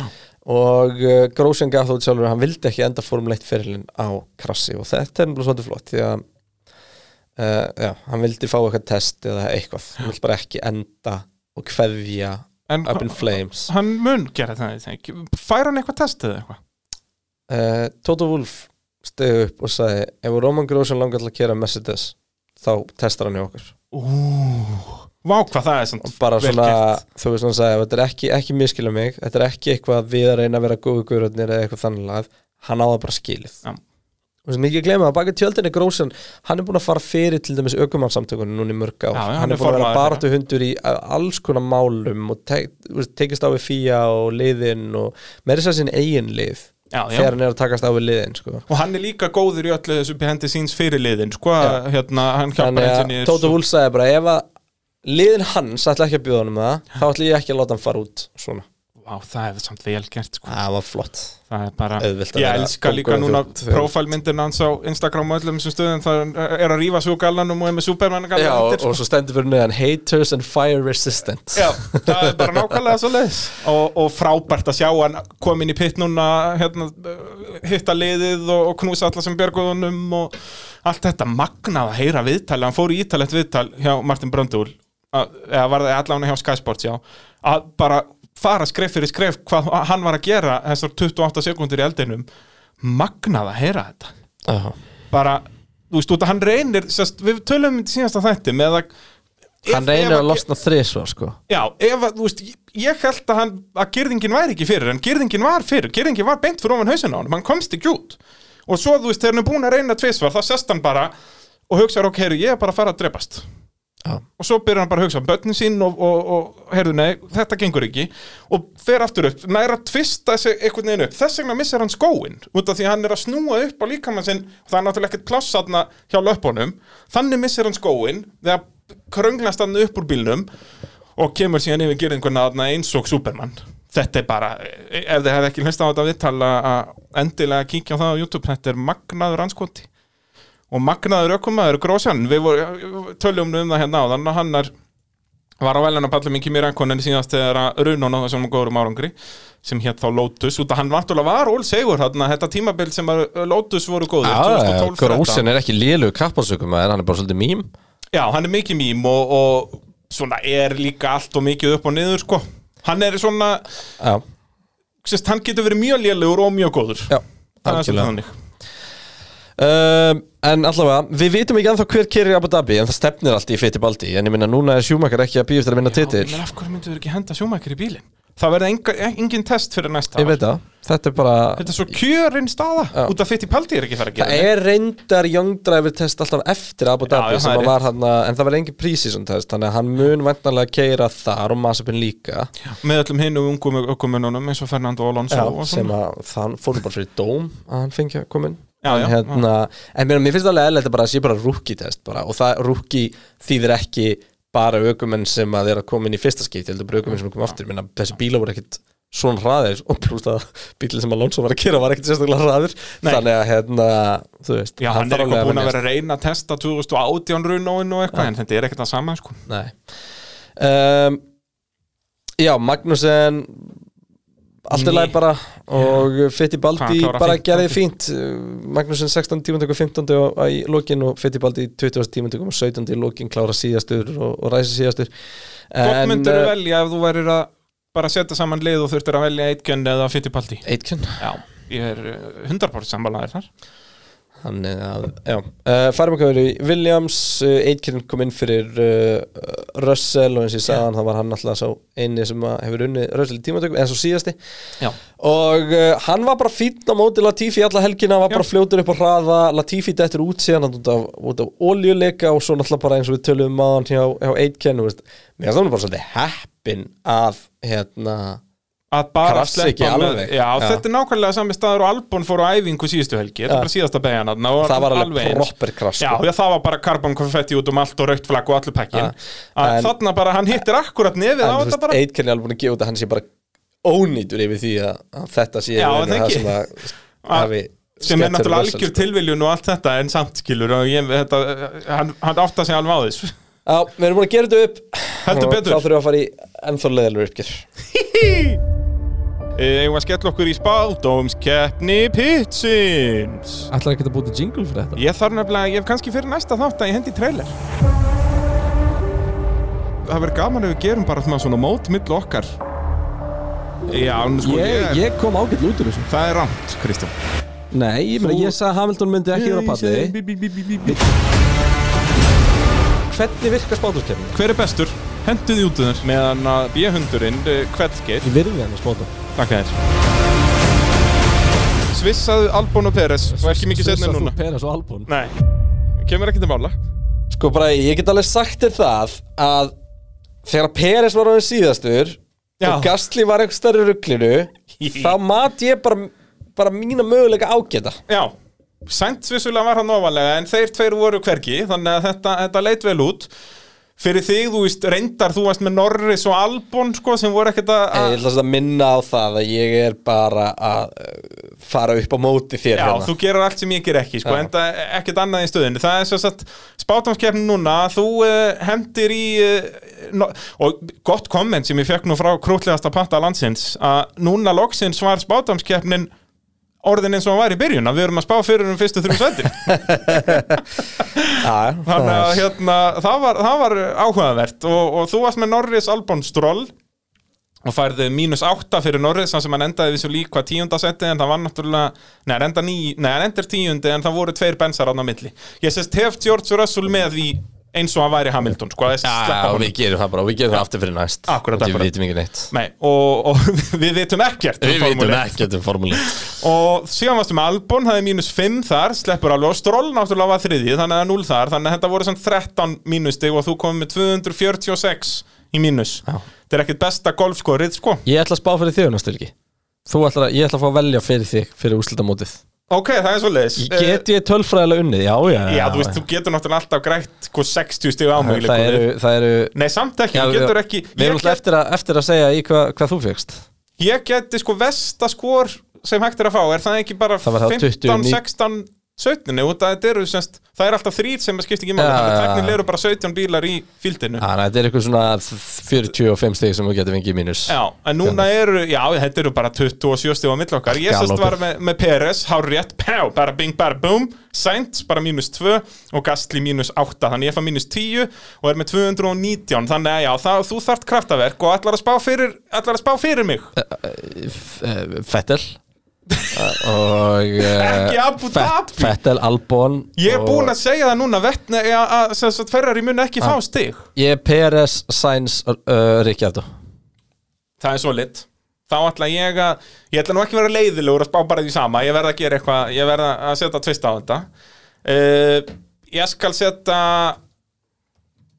Látum okkur nú sjá, ég ætla að setja Leclerc í síðasta seti af okkar Það sem er alveg líklegt sko Ég ætla að henda Stroll í, í miðjuna Bara út að þú ert með Peres og ég ætla ekki að vera eins Á ég svo ekki bara að henda Norris með nýju fesku vélina sína Og, og McLaren endi í þriðansetti Það er gott sjátt sko gæti verið sko Það getur gæst og hérna, þannig að það kemur í ljós en það er náttúrulega mesti skellurinn að við undirbyggum aldrei neina refsingu fyrir a- að tapa þessu, við Nei, þurfum að gera það fyrir næst ár Já, ég ætla að segja, það er orða seint núna Já, það, kannski að þú þurfum bara að raka þessu allattan og bána það sko, skallan Nei, það má ekki ég, það er- ég, Hárum mitt er orðið svo viðkvæmt Já, það er svolítið, já, það eftir er- þetta erum að koma ekki Ég er aftur. bæð að nýta með það að gera grína sköllóttu núna Já. og að, að, að ég fyrir mjög valega með það þetta er sko ég mann eftir sko mínum glóri árum svona tvö árun áður en ég var sköllóttur að þá fyrst fór ég að pæla í því, pæla í hárin á mér fyrst var sko fyrir það var að fara í klippingu bara eins og að klippa sér neglurnar bara eitthvað svona sem þurft að gera Já. en svo þegar ég áttaði með á því að ég var að vera sköllóttur og þá byrjaði ég að vera fabilus og gera þetta og, þú veist, setja strípur í þetta og rakka hliðarnar og vera hipp og kúl sko. Herðu, er þá ekki komið að þessu? Spyrjið pittin Hver er tilgangur lífsins? Spyrjið okkur Facebook.com Skástrygg pitturinn Hvernig fór þessi formúli einlega? Er ekki allurðinni þreyttir á þessum Hamilton? Var hann að klára bensínu sig? Hvernig verða Ferrari góðir? Við höfum svörin Við vitum allt um formúlu 1 Já, við Jú, það höfum eru sennilega- Facebook kommentin Já, maður við höfum sennilega aldrei fengið fleiri, allavega ekki af, af Ég, ég, ætla bara, ég, vitulegum ætla, ég spurningum ætla að staðfesta það að við höfum aldrei fengið fleiri og ég þurfti því miður að síja út núna sko, og, og En þannig byrjum á þessu það bara, byrjum á Já, þessu við byrjum náttúrulega fyrir um Íslandsmeistari rally Það er Baldur Ragnar Hlöðvesson, sætla minninga og hann er svo sem ekkert með spurningu, þetta er bara svona staðreind að breskir, þetta var ekki helgi fyrir breska ökumenn því að Elvin Evans var að keppi heimsmeistarakeppni í rally og datt út, þannig að hann var ekki heimsmeistari hann var Á með þetta í hendi Monza. sér Á Monsa, við getum talað eins og það Við fengum vaffir sébíla að keira gamla bankingið á Monsa Já, mjög cool hann var geggja og þeir sko bara á Monsa kapasinsbröðinni náðu þeir að búa til heldur fjórar sérleðar sem voru allar yfir 10 kilometrar Já, spáði þeir voru bara að keira inn á og Það er voru alltaf endalist að einhverju svona litlum entri við og Já, maður já, svona sko. malar skóarvegum bara, samt voru þeir á slikkum, þetta var störlað að horfa á þetta Já, geggjað og Russell náttúrulega datt nú núna líka brettina en datt ekki út, en, en já, þetta var ekki fyrir brettana Nei, þessi og helgi, Hamilton mætti ekki og, og Já. Aitken krasaði og, og, og sko, ef við ætlum að tala meir um rally Og að þá Norris er þetta Gate. í fyrsta skipti í sögu Hver er heimsmeistari? akstursíþrótta þetta er í fyrsta skipti í sögu akstursíþrótta í öllum heiminum sem að það eru sjöfaldir heimsmeistarar bæði í Formule 1 og heimsmeistararkeppnin í rally það Það var sést Ogier, eða? Sebastian Ogier triði sér sjöunda titilinn alveg eins og uh, Lewis Hamilton þannig að það er magnaður djöfull Já, geggjað, OJ er á Toyota eða ekki Jú, hann var núna að vinna með þriðja bílaframleiðandunum í eh, semst Hvað var hann búinn að mismunandi vinna bæði á bílaframleiðendum. Ford og Citroen eða? Nei, hann var ekki á Citroen, hann var á Ford, uh, Volkswagen og, og Hann var á Toyota. Volkswagen auðvitað, auðvitað, auðvitað, auðvitað. Má ég var búinn að gleyma þeim þá, er, þá erum við búin að tala nóg um rally í, í pitnum Það er engin pittur í rally þannig að það gengur ekkert að vera blæður um þetta Reyndar fóruð þeir inn í pittin á Monsa núna, það var geðvitt Já, þessum erum við að tala um Nákvæmlega Halldór Fannberg spyr Leclerc sektaður, sérst hann er að tala um refsinguna og hvort þetta var fair Þú veist, þetta var aldrei ásetningur segir hann heldur slís Ég er bara ekki sammála þessu, Já. þú veist, ég ætla ekki að segja þessi ásetningur En þetta var glórlust Já, og líka aftur og aftur og aftur Já, líka, þú veist, hann, hann er bara ekki Hann Þetta, þetta var sennilega vestæði Já, af þessum og, En ég samt, mér fannst þetta rétt spila því á Formule 1 sko, hann fekk ekki refsingu í keppni hann reynda datt Nei, út, þannig að hann getur hafði ekki aldrei gefið fengið refsingu refsingu og, en, en sérst, hann fær bara grid penalty út að já, þetta var og, og líka búið að gerast aftur og aftur og aftur og þetta var alveg glóralust Þannig að við erum, við erum sammála þessari, þessari refsingu Já, það eru við Jón Már spyr, er eitthvað sem að Ferrari pit crew geti mögulega að fokka það eins meira? Já, þeir þurfum bara að horfa yfir til Mercedes Já, það er akkurat sem ég var að fara að segja Þeir þurfa bara að rétta að Kí, hérna Kíkja þarna fá smá inspiration af trailernum sem ég gerði fyrir Mercedes og, og þá getið þið rifið ykkur upp Eh, En þetta er náttúrulega glórlust Já, og, og Jón Már Það væri gaman hérna. að taka það saman í endtímbilsins hvað, ef við bara gefum okkur að meðalstopps í 2,5 sekundur hvað er Fettel með mikinn plús Mhm. um net, já, já. Sérst, net plusinn hans Já. það er, já, vá það er fullt það er spurning hvort að þeir myndu ná Bottas sem sagt, Bottas er bara einu sinni búin að tapa hérna 30 sekundum, en venjulega er hann þá bara hann á 2,53 ár, það kemur ekkert ávart að Vettel væri með verra nett þetta Sér er alltaf eitthvað að fyrir tíu sem er sögumannin búin að tapa 3 sekundum það er spurning þetta geti verið verkefni fyrir sögumannin að finna út Jón Már spyr hérna líka eins og til tímbil eh, leita ekkert sérstaklega vel út í uppæði þá finnst mér þessar nýju brautir vera já, eitthvað já, svakalega skemmtilegt og gerir tímbilið eh, skemmtilegra hvað finnst okkur? og við tölum svolítið um þetta áðan hérna með hvað brautir við erum að halda og svoleiðis og, og eins og þetta hann, ég meina hvað sagði ég uh, þegar við tókum það saman eftir að Peris komst á pallin á hérna á uh, í Tyrklandi Já. var hann ekki 13. til að komast á velunapall jú, nei, þá var hann 12 núna er, og var okkon 13 held ég var það ekki Var hann svoleiðis? 12? Það er báði Benzinni búin að fara á pall Það er báði Red Bullinni búin að fara á pall Það er báði McLareninni búin að fara á pall Það er báðir hérna Racing Pointinni búin að fara á pall Já, og svo nei, Ricciardo já. Þetta er ótt að tala út í því að það er báðir runuanir og svo einn Alfa Tauri Einn Alfa Tauri Og Þetta er heldur núna 13, er það ekki? Veitu, hverju fleiri voru búin að komast á pall? Það eru sex bílar sem er ekki fræðilega möguleika frá pall Af þessum sem að Já, Geta ferrariðanir, við glemdum En Já, náttúrulega með klörk það- og fettir og Vettel, já, það er rétt, já. Þannig að þetta eru, já, eins og segið, 13 er, Það er núna þá Nei, betur af hverju er Dota að tala? Út af því að það er bara, uh, hérna Já, Alfa Tauri. Alfa Tauri, já, Gasly. Kvíat er ekki búin að lenda já. Annars eru allir sem á eiga fræðilegan möguleika enda Já. vel en á palli Þannig búnir að að kvíat lenda verður á fyrir palli utan í, Kví- í, í Já. Abu Dhabi Það staðfest. til að setja puntin yfir eða Það á er að breyta 2020 spátumskeppnum með þess Það er svolítið svoleiðis, þetta er búið að vera svo magna tímumbil Heldur betur Bara, getum Og við við erum að fengið tala um- meira af svona COVID Og við erum að tala um hvað Sigurvegarar eru Hamilton, Bottas, Verstappen Peres og Gasly Fimm mismöndi Sigurvegarar, 13 mismöndi podiums Þetta er magna, sko Og líka eins og fyrir Og sko á tímabili sem er dóminerað af Hamilton já. Að, Og Benz. að, og þú veist, eins og umræðan hjá okkur var í vor að þetta yrði frekar leiðilegt út af því að þú veist Ferrari verið ekki með og bla bla bla vissulega var aldrei neitt slagur um fyrsta sætið En, og en þú veist, það bara, var búið- en- miðjan er bara búin að vera það skemmtileg búið að vera svo styrlu og síðan Já. höfum við fengið þessa fáralögu keppnir Þetta bull, skilurðu. já. þetta er búið að vera dásamlegt Þetta er bara ekki ekki tímabil uh, Kristinn Snær uh, spyr já, hann kemur með conspiracy theories sko, sem, er, sem er dásamlegt og við þurfum aðeins að ræða þetta ég ætla bara að lesa þetta allt saman Er þessi helgi eitt stort samsæri? Eins og umræðan henni í grúpunni var, þá var hann að tala um F1 á Íslandi. Uh, Hamilton kannski ekki veikur. Tóto hlutafi í Racing Point. Hentaði vel að setja bensan aftur fyrir til að koma Racing Point upp fyrir McLaren í stigum. Ég er sammála að Mercedes-Benz liðið er loðið. Kalla báða inn og klúra svo dekkjaskiptum. Búið að vera skot til tinga til. Möguleiki. Langsótt, en möguleiki.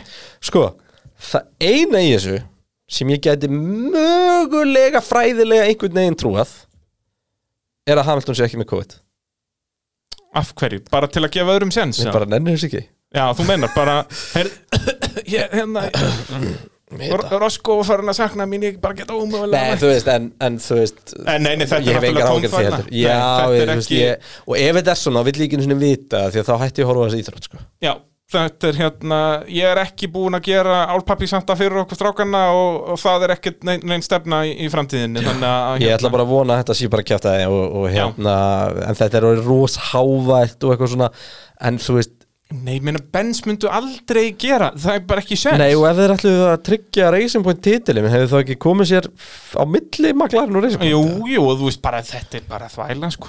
Jóhannes Felix spyr uh, Við líka skulum átt okkur á því að þetta er svona, þetta er svona álíka gáulegt og reyna að segja sko að moonlandingið séu fake Já, já, því að sko það sem ég aldrei talaði með múnlandinginu var að þetta voru mörg þúsund mann sem unnu við þetta Jep. og þaraf voru verkfræðingar út um allan heim bara sem í að önnur, öðrum fyrirtækjum bara í Ekki- allt öðrum ekki fyrirtækjum, bara, í þú veist NASA. áströlsku Já, geimferðarstofnunum já. og eitthvað svona dót bara upp á einhverju fjalli að, í, í tvö ár að taka á móti einhverjum radiosignals skilur og það er eina sem þið gerðu af hverju, ætti- þú veist, það hefur verið meiri vinna að feika data fyrir allt þetta fólk heldur en að fara Að bara á fe- tunglið sko. já, já. og þetta er svona, þetta er, þetta er svona áleika þú veist, það eru mörg hundra, mörg þúsund manns að það, Já, hvað, Eh, þetta þú er veist- 2500 manna lið, skiluru já Þú veist, þetta er bara, já, þetta er tóm Já, ég held þvægna Jóhannes Felix spyr eh, Hver af ykkar matið er besti all-around driver á grittinu í dag ef allir væri á sama bíl? Fettel, Albon Albon án efa, ég veit ekki með Fettel sko en Albon, Nei, en 100% þetta er góð spurning, ég held að Hamilton sé bestur sko. Já, ég er, þú veist, hann er og allan upp sérstaklega þegar þú segir all round Já, En Það er ok, það er, hendum það báðir er, í fimmnöfn Atum hvort þessi þau sömu Ok, Hamilton og Verstappen, obvious um, Leclerc sko, Hann er við samt- þetta já. gerir svo mikið af mistökum Ég veit það, ég var einmitt að fara að segja Hann er núna byrjuðar að láta mig efast, sko Já um, Ricciardo Það voru komin fjórir ef þú heldurlega klerk Á Peres að vera á þessum lista Já, Já, anskotin út að hann er svo góður í mitt allround hann er góður að passa dekkin, hann er góður í Ég held sem tímatökum þess að Russell sér hraðari Já, Va varstu komið Russell á listan? Nei, Nei já, hann er ekki búin að sína nót til ég geti sett hann á listan Því að hann gerir mistök alltaf þegar hann er komin á góða Mm. staðina já. Russell er ennþá gæðin sem að kerði á En er- er veggin á þetta- baku öryggisbíl já, já, með algjörlega, örygg tíundasæti sko. algjörlega. Á, á ónýtum Williams Eru þetta fimm nöfnið þín? Þú ert ekki með Russell á lista? Ég held að þetta fætt alveg á lista Já Fettel í réttu hugarástandi Já.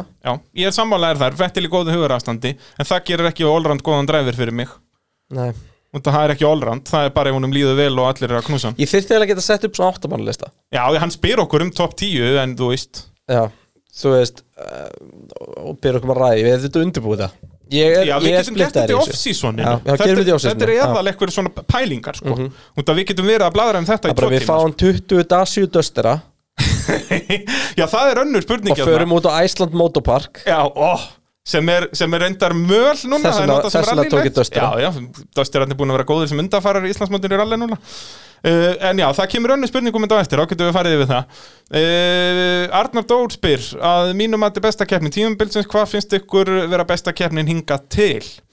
Besta Vá. keppnin, ú Við skulum, nei, tökum þetta í reviewinu af sísonu Við skulum Já. ekki spoila þessu núna Ég fattaði það bara ekki, ég hefði átt að Ég veit ekki einu sinni hvað mér finnst það er besta keppnin því að það eru svo stórkostlegar Og Það eru líka svona svo moments, mismunandi góðar, Já, sko. þú veist, allt frá hérna Hamilton að klára þremur Já, yfir í, þú veist, sjokk sigurinn hjá Gastli yfir í sjokk sigurinn hjá Peres Já, og yfir síðan í- höfum höf við líka fengið nefnilega fullt af svona góðum kappakstuskeppnum, ekki Já. bara þegar allir eru Vandamál er bara að það er ekki fyrstandi sko. Já, já Þannig að, en, en Er búin að vera þú veist, einhver- síðan- Jú, þegar- setni Silveston, Verstappen, þegar Verstappen vann Já. Tekur fram úr Það Hamilton var bara góð Mm. kappaksturskeppni. þú veist, Það var kappakstuskeppni, sko en, en já, við skulum fara yfir þetta eftir, eftir tímabil Það er meina meira þess að Tyrkland var stórskendlega sko. Ég er Já, ruglinu b- b- geggjuð Þú veist bara mikið að drift. bulli Ég á veit stjúmbili það, við vorum að tala um þetta hvað 13, þú veist, þetta er búið að vera svo dásamlegt Ja, tímabil þetta var að geggjað hálfa tímabil. væri hellingur Hérna, hvert er þið komin? Albert Jónsson er það ekki? Hvað er í Það gangi? koma Er Peres hérna komin inn í það Red kom- Bull núna? það koma hérna spurning hver er í gangi Peres komin í Red Bull og svo segir Arn- Arnar Dór hérna Tjekko í Red Bull eins og skot hvað finnst ykkur uh, Sko Red Bull eru svo mikið að reyna að ráða hann ekki Já, Það er mín upplifun Og af hverju eru þeir að því? Hvernig geta þær ekki gert það núna?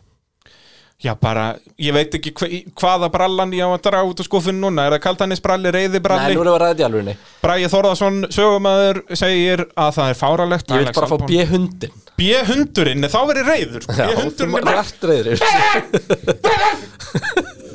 og það er bara fokkin kjaftaði að Alexander Albon er að keppa í Formule 1 Nei, það er ekki kjæftan sem keppa í Formule 1 Það er kjæftan sem keppa á næstbæsta bílnum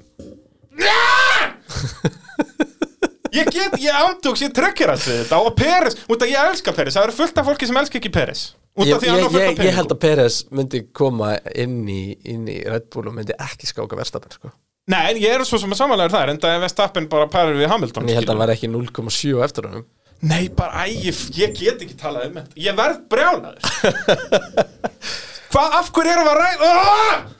Nei, ég meina Einhver er ástæðan já, hver er ástæðan, Kristján Einar af hverju Ég veit það ekki Ég, ég hef reynd að senda message á, á Tjekko á Facebook um daginn En þegar hann vissi að ég var farin að vinna við eitthvað podcast þá hætti hann að svara mér Í alvöru? Já En var hann að svara þér þess á milli? Já. eða? Býtu ég, við þurfum Það að, það við allt í þurfum henni að fara yfir verið að vera blamaður en ekki bara eitthvað gamall kunningi sko þetta. En hv- hvernig komst hann að því? Er hann að hlusta á pittin? Nei, ég er bara um að koma píðin Alveg rétt, já, þú talaði um þetta hérna Hann er fyrir ekki svara mér síðan Oh, god damn it, Jacob Hann gerir það á næsta ára, hann verður bara fullur í Mexiko Já, 100% ha, Hann að nóga möðunis, getur hann ekki bóðið okkur á En okkur Sko, á það strönd er enda miskilíkur að hann er nómanis Já, hann er- áreinda nómanis Hann á flottar tengingar. Já, en hann, en það kallar slimma nómanis Já, það er, það er svo leis Og öruglega skemmt ekki fyrir að aðgangur af peningum þessi sigur um helgina og, og Já. myndirnar í blöðunum í Mexiko í morgun Já, og með mexikonska fánan með sér á pallinum sko, þetta var dásamlegt Geggjað. En ok, nú ætla ég að reyna að róa með aðeins og reynum að uh, fara eitthvað yfir þetta uh, Það er ekki hægt, þetta meikar engan sens Þetta er eins og uh, Sko, Red Bull vil ekki fara út fyrir Red Bull Það Nei, er, nei, fílo, já, það er það er- filosofía hjá þeim Akkurát, út af þeir eru að eyða allum sem peningum í En þá allar vill þessar ég bara sjá að akademíur henda og- gasli í þessu nóta þannig Ef, ef þeir eru bara búin að sætta sig við það að bíl nummer tvö þarf ekki að gera neitt til hérna á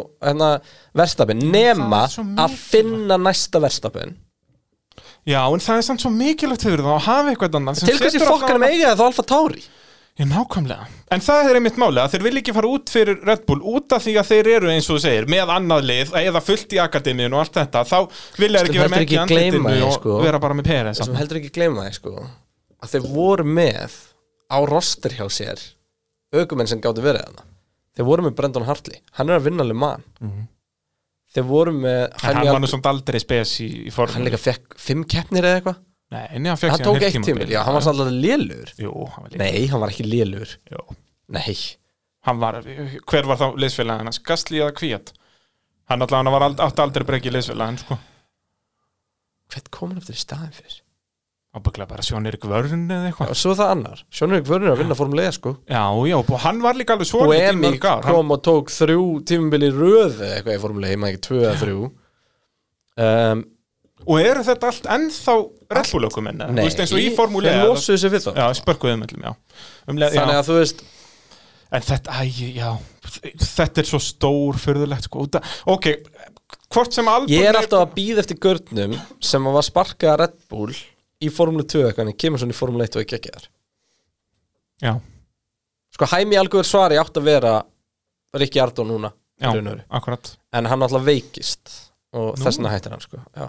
Ok, já, ég vissi það ekki og ég hafði alltaf tilhengi ég og Hæmi erum ágætsfélagar Ok. og, hérna, og vorum liðs, liðsfélagar á sínum tíma ásamt reyndar uh, Brendan Hartley þeir voru ekki Já. mikil félagar ekki ákveðan hann í fyrstu keppni og brela um, en hérna hann sem sagt hann er bara DJ í dag Algu svari, Mhm. alveg rétt, já Squire Já, það er rétt og það er bara, hann bara Það veit er að gera þá skarra en tíma og glokk, hann er barþjótt í alvörni Já, hann var það sko, þetta var eitthvað svona grín manni þegar hann var bara árið eftir að hann hætti en áttan þá ekki bara inn Jú, þetta var eitthvað Já, þannig já. sko og ég veit ekkert hvað hann er að gera í dag sko hvort hann er ennþá bara í, í alkaóla bara hans sko, það getur vel verið Það eru nokkrir Það er einhver, það var einhver brasilíkur sem er eitthvað orðin eitt stæsti lífrænt vínflum Ég var að komið skemmtilegt víti fyrir nokkrum dögum Eh, Svona where are they now? Nei, bara þú veist, careers eftir F1 Það er að taka fram alls konar lið sem ég hef aldrei hýrt um Nei, nei. Og, og hérna Hann þarf að youtubea þetta Já, þetta- þetta þetta kom að formuleitt Facebooki held ég sko Já, það, ok. Þetta var mjög skemmtilegt, þetta var svona top 10 list þegar ekkert er í gangi eitthvað Akkurat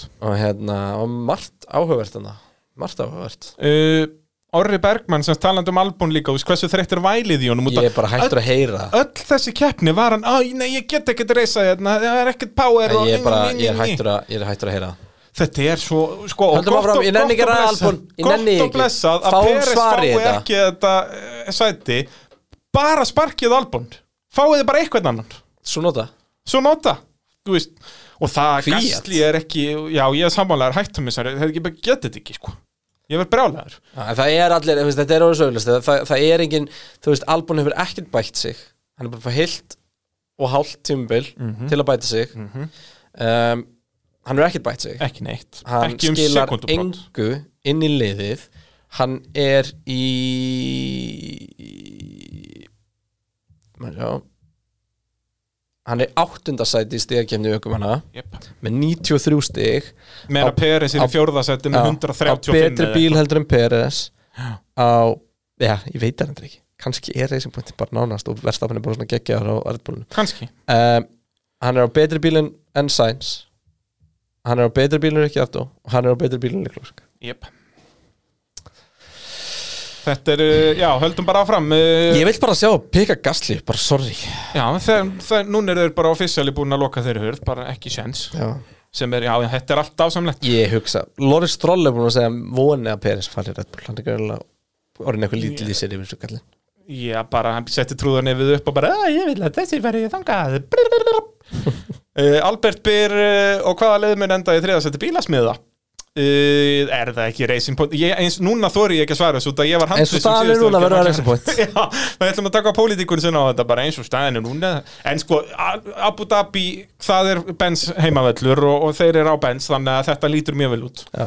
En þetta er Formule 1 og allt getur gæst og sérstaklega í þessu midfieldslag Robert Örn þýðir þetta annað tattoo út að okkon, ég ger ráð fyrir hans ég að referensa okkon, okkon á 100%, palli. nei, það var ekkert Nei, ég- það var ekkert bett í gangi þar, sko Nei, en meina, það væri gaman ef við fengjum bara Cyril út úr flúðan næsta ári með tvöfalt slíf og grjótarður bara uh, talandum að betta, Kristinn Márspyr eða fengur miljón króna hvort til að fara í spilavíti og þurftu að láta annarkvort Russell eða Bottas veðja fyrir ykkur hvort myndu þið taka með ykkur? Þetta er quality spurning Þetta er nefnilega quality spurning sko. Þetta er eiginlega bara svona hvort myndur vilja geta kúkið að skýt sko. Já, þetta er svolítið þannig að þetta er hérna, Um, þetta er djúðspast Ég Vá, ég skiptir einhverju máli hvort ég vel Ég mun lappa út með null sko. Já, ég held að það sé svolítið svolítið sko. Bottas gæti komið með kannski 50.000 kall eftir það en, en ég held að Russell væri svolít 0 Já, Ég held að Bottas, hann myndi kveldskýta en kem alltaf eitthvað en Bottas, en að Russellið Ég- væri stóra núlið sko. Ég á ekki svar við þessu Ég ætla að segja Bottas Uh, Guðlaugur spyr, uh, er það klart mál með Russ, uh, að Russell sé í topp 3 óhefnist ökumunum í Formule 1? Sko ég er ekki sammála því að hann er, hann var vissulega mjög óhefn í dag en hann hefur líka verið að búa til sín en, eigin óhefn. já, sko. já, ef við horfum á líka sko ömulegt fyrir hann að, að, hérna, að labba út úr þessari helgi og ekki með hann fyrsta sigur og þannig en ég meina, Hann síndi hann líka bara ágætt Já, Þú veist, já. hann labbar nú, hann er þó ekki sigur eins þar svo fara að sitta upp í Williamson og kera aftast aftur heldur bara gaunin sem að fekk einu svona testi hérna á Mercedes og vá var hvað hann legit. syndi sig Já, Russell er búin að gulltryggja það að ef að hann, ef hann Mercedes sæti fæst ekki þá er hann inn í myndinni fyrir næsta stóra dræf sem losnar, saman hvað það er Mercedes dræf eða eitthvað annað ég spái því, hann tekur hann bara er, við hann er Hamilton. 100% búin að setja sig fram yfir okkur við veistum ekki gleyma að okkur er Mercedes ökumaður. Það er rétt. hann er Ekki 100% lengur vantarlega. Nú, hann er, það er 100% að hann er komin fram Ert- fyrir okkur ertu viss? hann Marko? er ennþá með tægin er ekki, er ekki Tóta Wolf bara umbúsmaðurinn hans eða eitthvað Nei, ég held nefnilega að hann hafi, sem sagt, En- en Hann það var er, þarna það er þegar- ennþá ok, tægana ok. það er ennþá einhver tægana En já, já, hvort hann er á Russell er- láni eða eitthvað álíka Ég meina, jú, Tóta Wolf sér um hann nú ok, já, það getur, já, ég, þú, þú veist þess allt um vegna var, Formule 1. var þetta svo erfitt þegar að sko okkur er kift út frá Já, já. var ekki Racing Point jú, jú. og og í raun og veru þá átti Þá var hann bara þá átti hann að fara þróunarökumaður annarkot í Benz. Williams eða, eða, eða, eða Benz sko. Já, já, og þess vegna fekk hann ekkert og þá vorum við að spyrja okkur þú veist, hvort er okkur eða Bottas að fara að gera Já, um, og já, náttúrulega vá, já, ég manist þetta reyður umræður Vá, hvað hún, núna finnst mér að það hafi verið fimm ár síðan Já. En hérna, já en, En uh, uh, fyrir mér er þetta bara spurning með Russell, sko, hvort hann fari í Benz árið 2022 eða 2023 Bara Já, hvenar ég- Hamilton hættir, ég held að hann taki bara Hamilton sæti. Nei, það er Já, ekki ég meina Hamilton er ekki með samning Ég meina það eru bara þrýr mánuður í næsta sísón, sko já, ég, það, ég myndi ekkit haka mig myndi ekkit fara í gólfið ef að Hamilton myndi hætta núna en ég hugsa samt að hann Mm. Hún myndi fara taki langleiðis í öruga gólfið. áttunda titilinn og, og hætti svo Já, til að vera allround geitin, Já. sko, ekki vera jafngóður um, Uh, Guðlaugur er líka með dásamlega spurningu á sögumannin Braga Þórðarsson uh, Getur sögumæðurinn fletti upp hvenær það gerir síðasta Mercedes, Ferrari og Red Bull áttu engan okkur menn á velunapalli Það er náttúrulega kólröng spurningu en það var bara Monsa í sögumar En þá breytti ég þessari spurningu yfir í hvenar enginn að þeim var í topp 5 út af núna var það svolítið, það var ekkert að þessum liðum var í topp 5 og ég þurfti að fara aftur til að, og sko ég gæti ekki googlað þetta þetta tók mig hálftíma að fara bara inn á Wikipedia að sko, flett upp öllum tímabilum og þetta er í Malasi árið 2009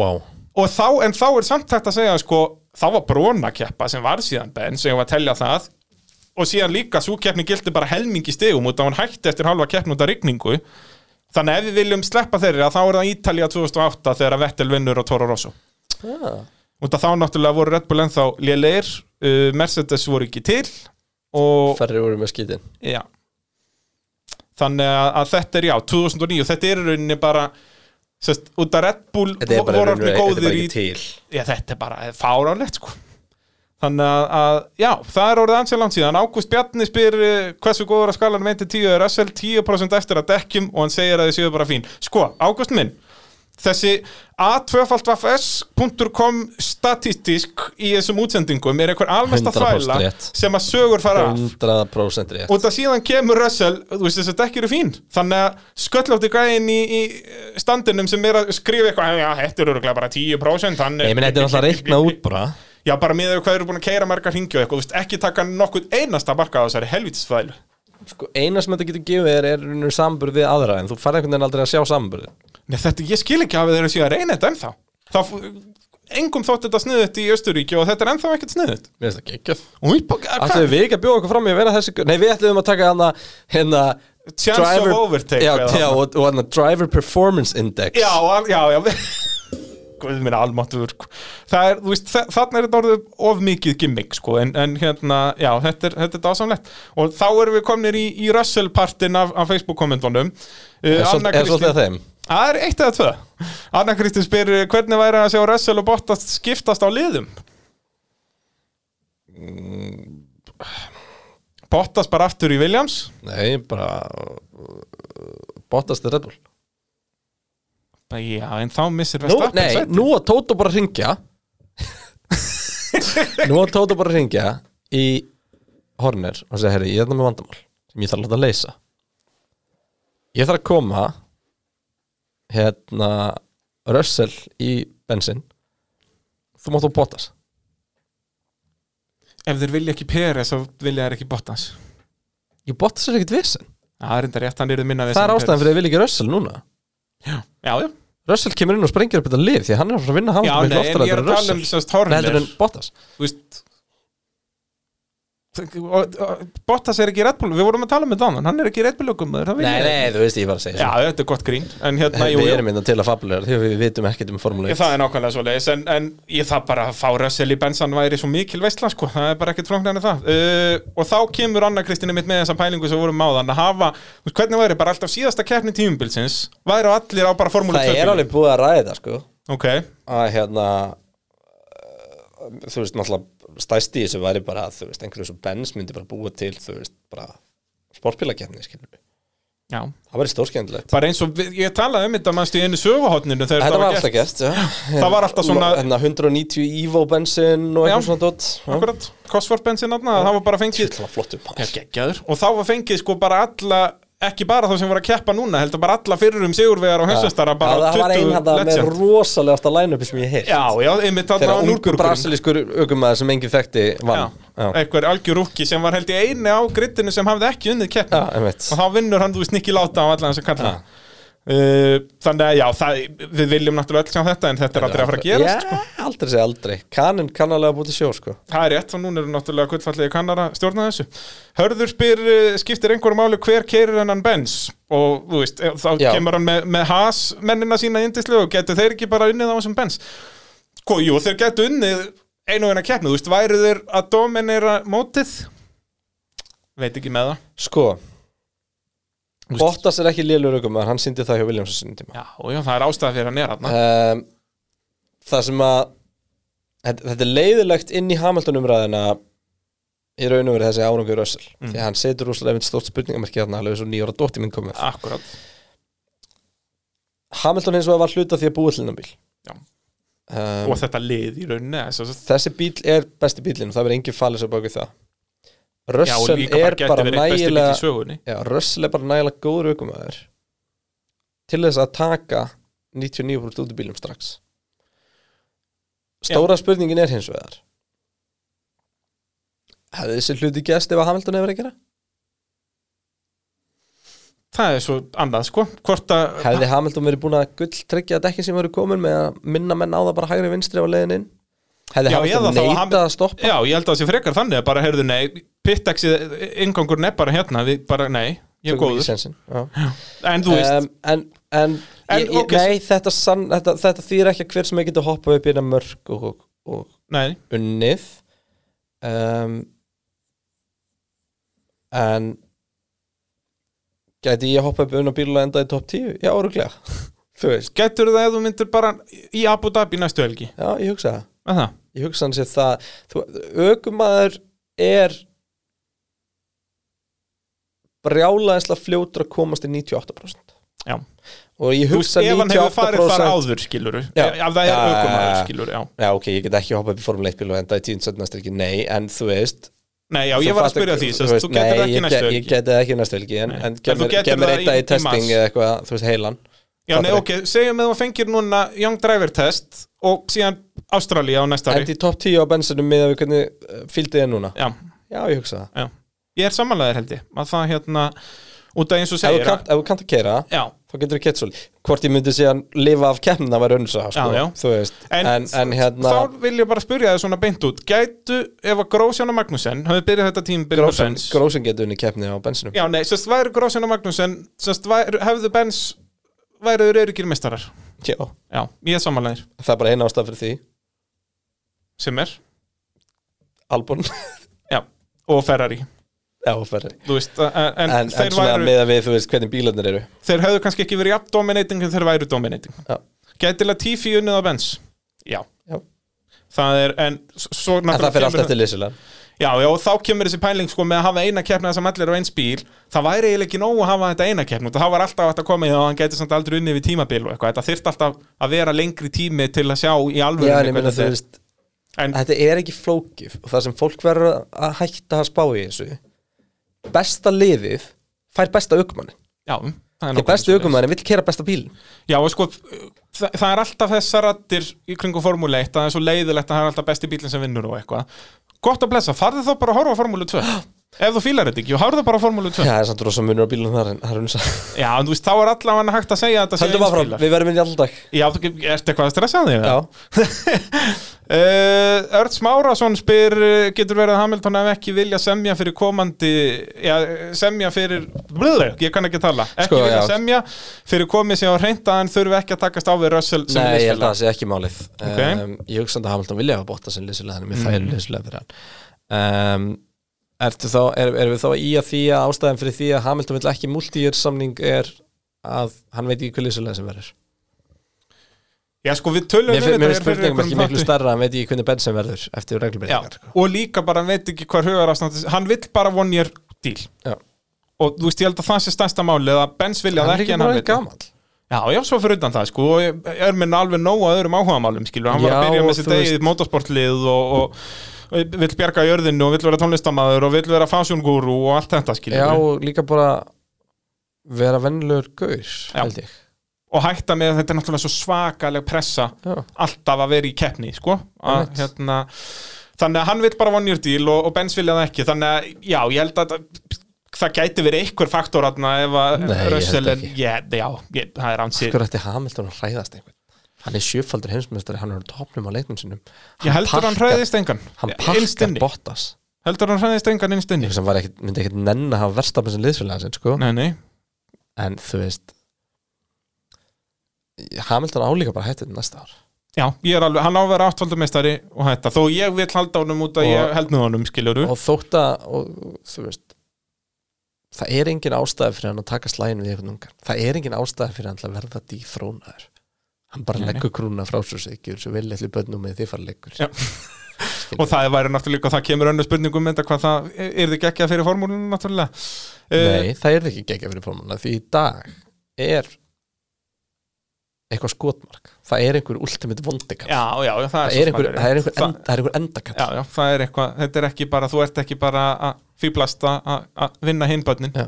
Það er mjög góð punktur Óli Jón spyr, getur verið að Mercedes verið stressaður þegar Hamilton er ekki og Bottas var að vera lítirinn í liðinu en þeir sjá svo að hann getur ekki einu sinni haldið í Russell og er það ástæða fyrir allt var í skrúuna Þa, Þannig, það, ég sætti mig ekki við þetta orðalag sjá svo hann getur ekki einu sinni haldið í rössil Þa, það er nefnilega, þú veist allir hlustendur okkar vita hvað við erum búin að tala um hvað rössil er ógeðslega hraður Já. það fer enginn 36-0 í tímatökum á móti liðsfélaga ever Nei, það bara gerist ekki Þú veist, menn þeir allra bestu, þeir eru kannski með 90% rekord á móti linsfélag Ég samt ekki einu sinni það Nei, ég segi það, ekki einu sinni það En það að bara, og líka með tvo mismunandi linsfélaga og En engin á hvað er breytt rekordið hjá Verstapin dag? Það hlýtur að koma langlegin í þetta Já, en þú veist, þá bara með Albon eða með Albon Gastli og Rikki Nei, bara, og, þú veist, og hvað bara er marg, Ever Nei, bara. bara margar í röð Já, það er ansið mikið Það sko. er aðeins mikið, sko Já, já, Hefur það Albon einhvern tíma restur fram á þessu tímili? er- Ég held ekki Þetta er eitthvað fyrir sögumannin að finna út Já. En hérna, en heldur að þetta við En það- tölum Og ef hittust að það aðeins var, á þá var það út í að bílinn bilaði, sko Já, já, já, ég Það segi er aldrei unnið að non merit, On sko merit, nei En er þetta ástæði fyrir klúðrinu að Hamilton var ekki? Ég er ekki sammála því Hamilton var í Þískalandi fyrra Þú veist, það er ekki Nei, þetta er Netflix sem er sam, Já, sam, já, það- saman sem er skjæðan það, það er svolítið, það er eina, eina sem er e- engin breyta í því, það er bara konstant uh, Sæmundur Bjarni, sko, minn maður Sæmundur Bjarni, þetta var sko besti vinnu minn í grunnskóla bara í f- þriðja bekki eitthvað, ég hef ekki talað við henni í 15 ár og Hann nú er er ég að mættur. koma að staði að hann eh, horfur á Formule 1 Það getur þetta að fara að Já, þetta er það endurvekja sem ég, eitthvað. ég elska við podcast að bara skyndilega er Sæmi mættur á Facebook Þetta er dásamlegt Geggjað.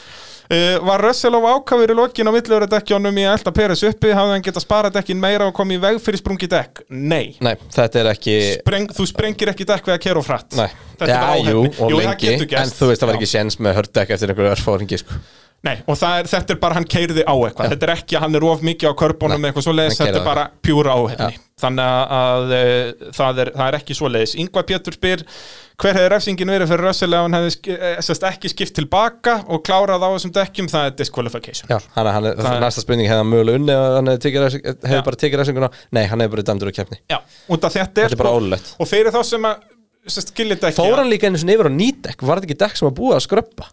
Jú, jú, út af því Þetta að voru Benz dekku búin- tímatökunum hjá, hjá Bottas Bottas, já, já, sem var búið að fara nokkur ringi ég ætla aðeins að útskýra þessa reglu sem sagt að þú mátt ekki taka dekki á liðsfélag og maður hugsaði þetta einn bara, vá, þetta eru bara dekk og, og bla bla bla en ef það mætti að þá væru mörglið með númer tvö ökumann sem væru bara að vinna Skaffa hinum dekk. já, að skaffa hennum dekk og það með væri glatað Mhm. Þa- þetta er bara gert til þess að allir eru með level playing field í þessu út af í gamla daga þekktist það alveg að menn, að, númer tvö ökumaðurinn var að gefa hennum dekk og í eldgamla daga gerist hann nú bara númer eitt ökumann fórstundum í bílinn hjá númer tvö ökumannum Og kláraði keppnina. og kláraði keppnina þannig út að þar var kannski fimm ringir á milli manna og þeir unnu samtskilur þó að bílinn þeirra var bilaður eitthvað staðar út í skói sko.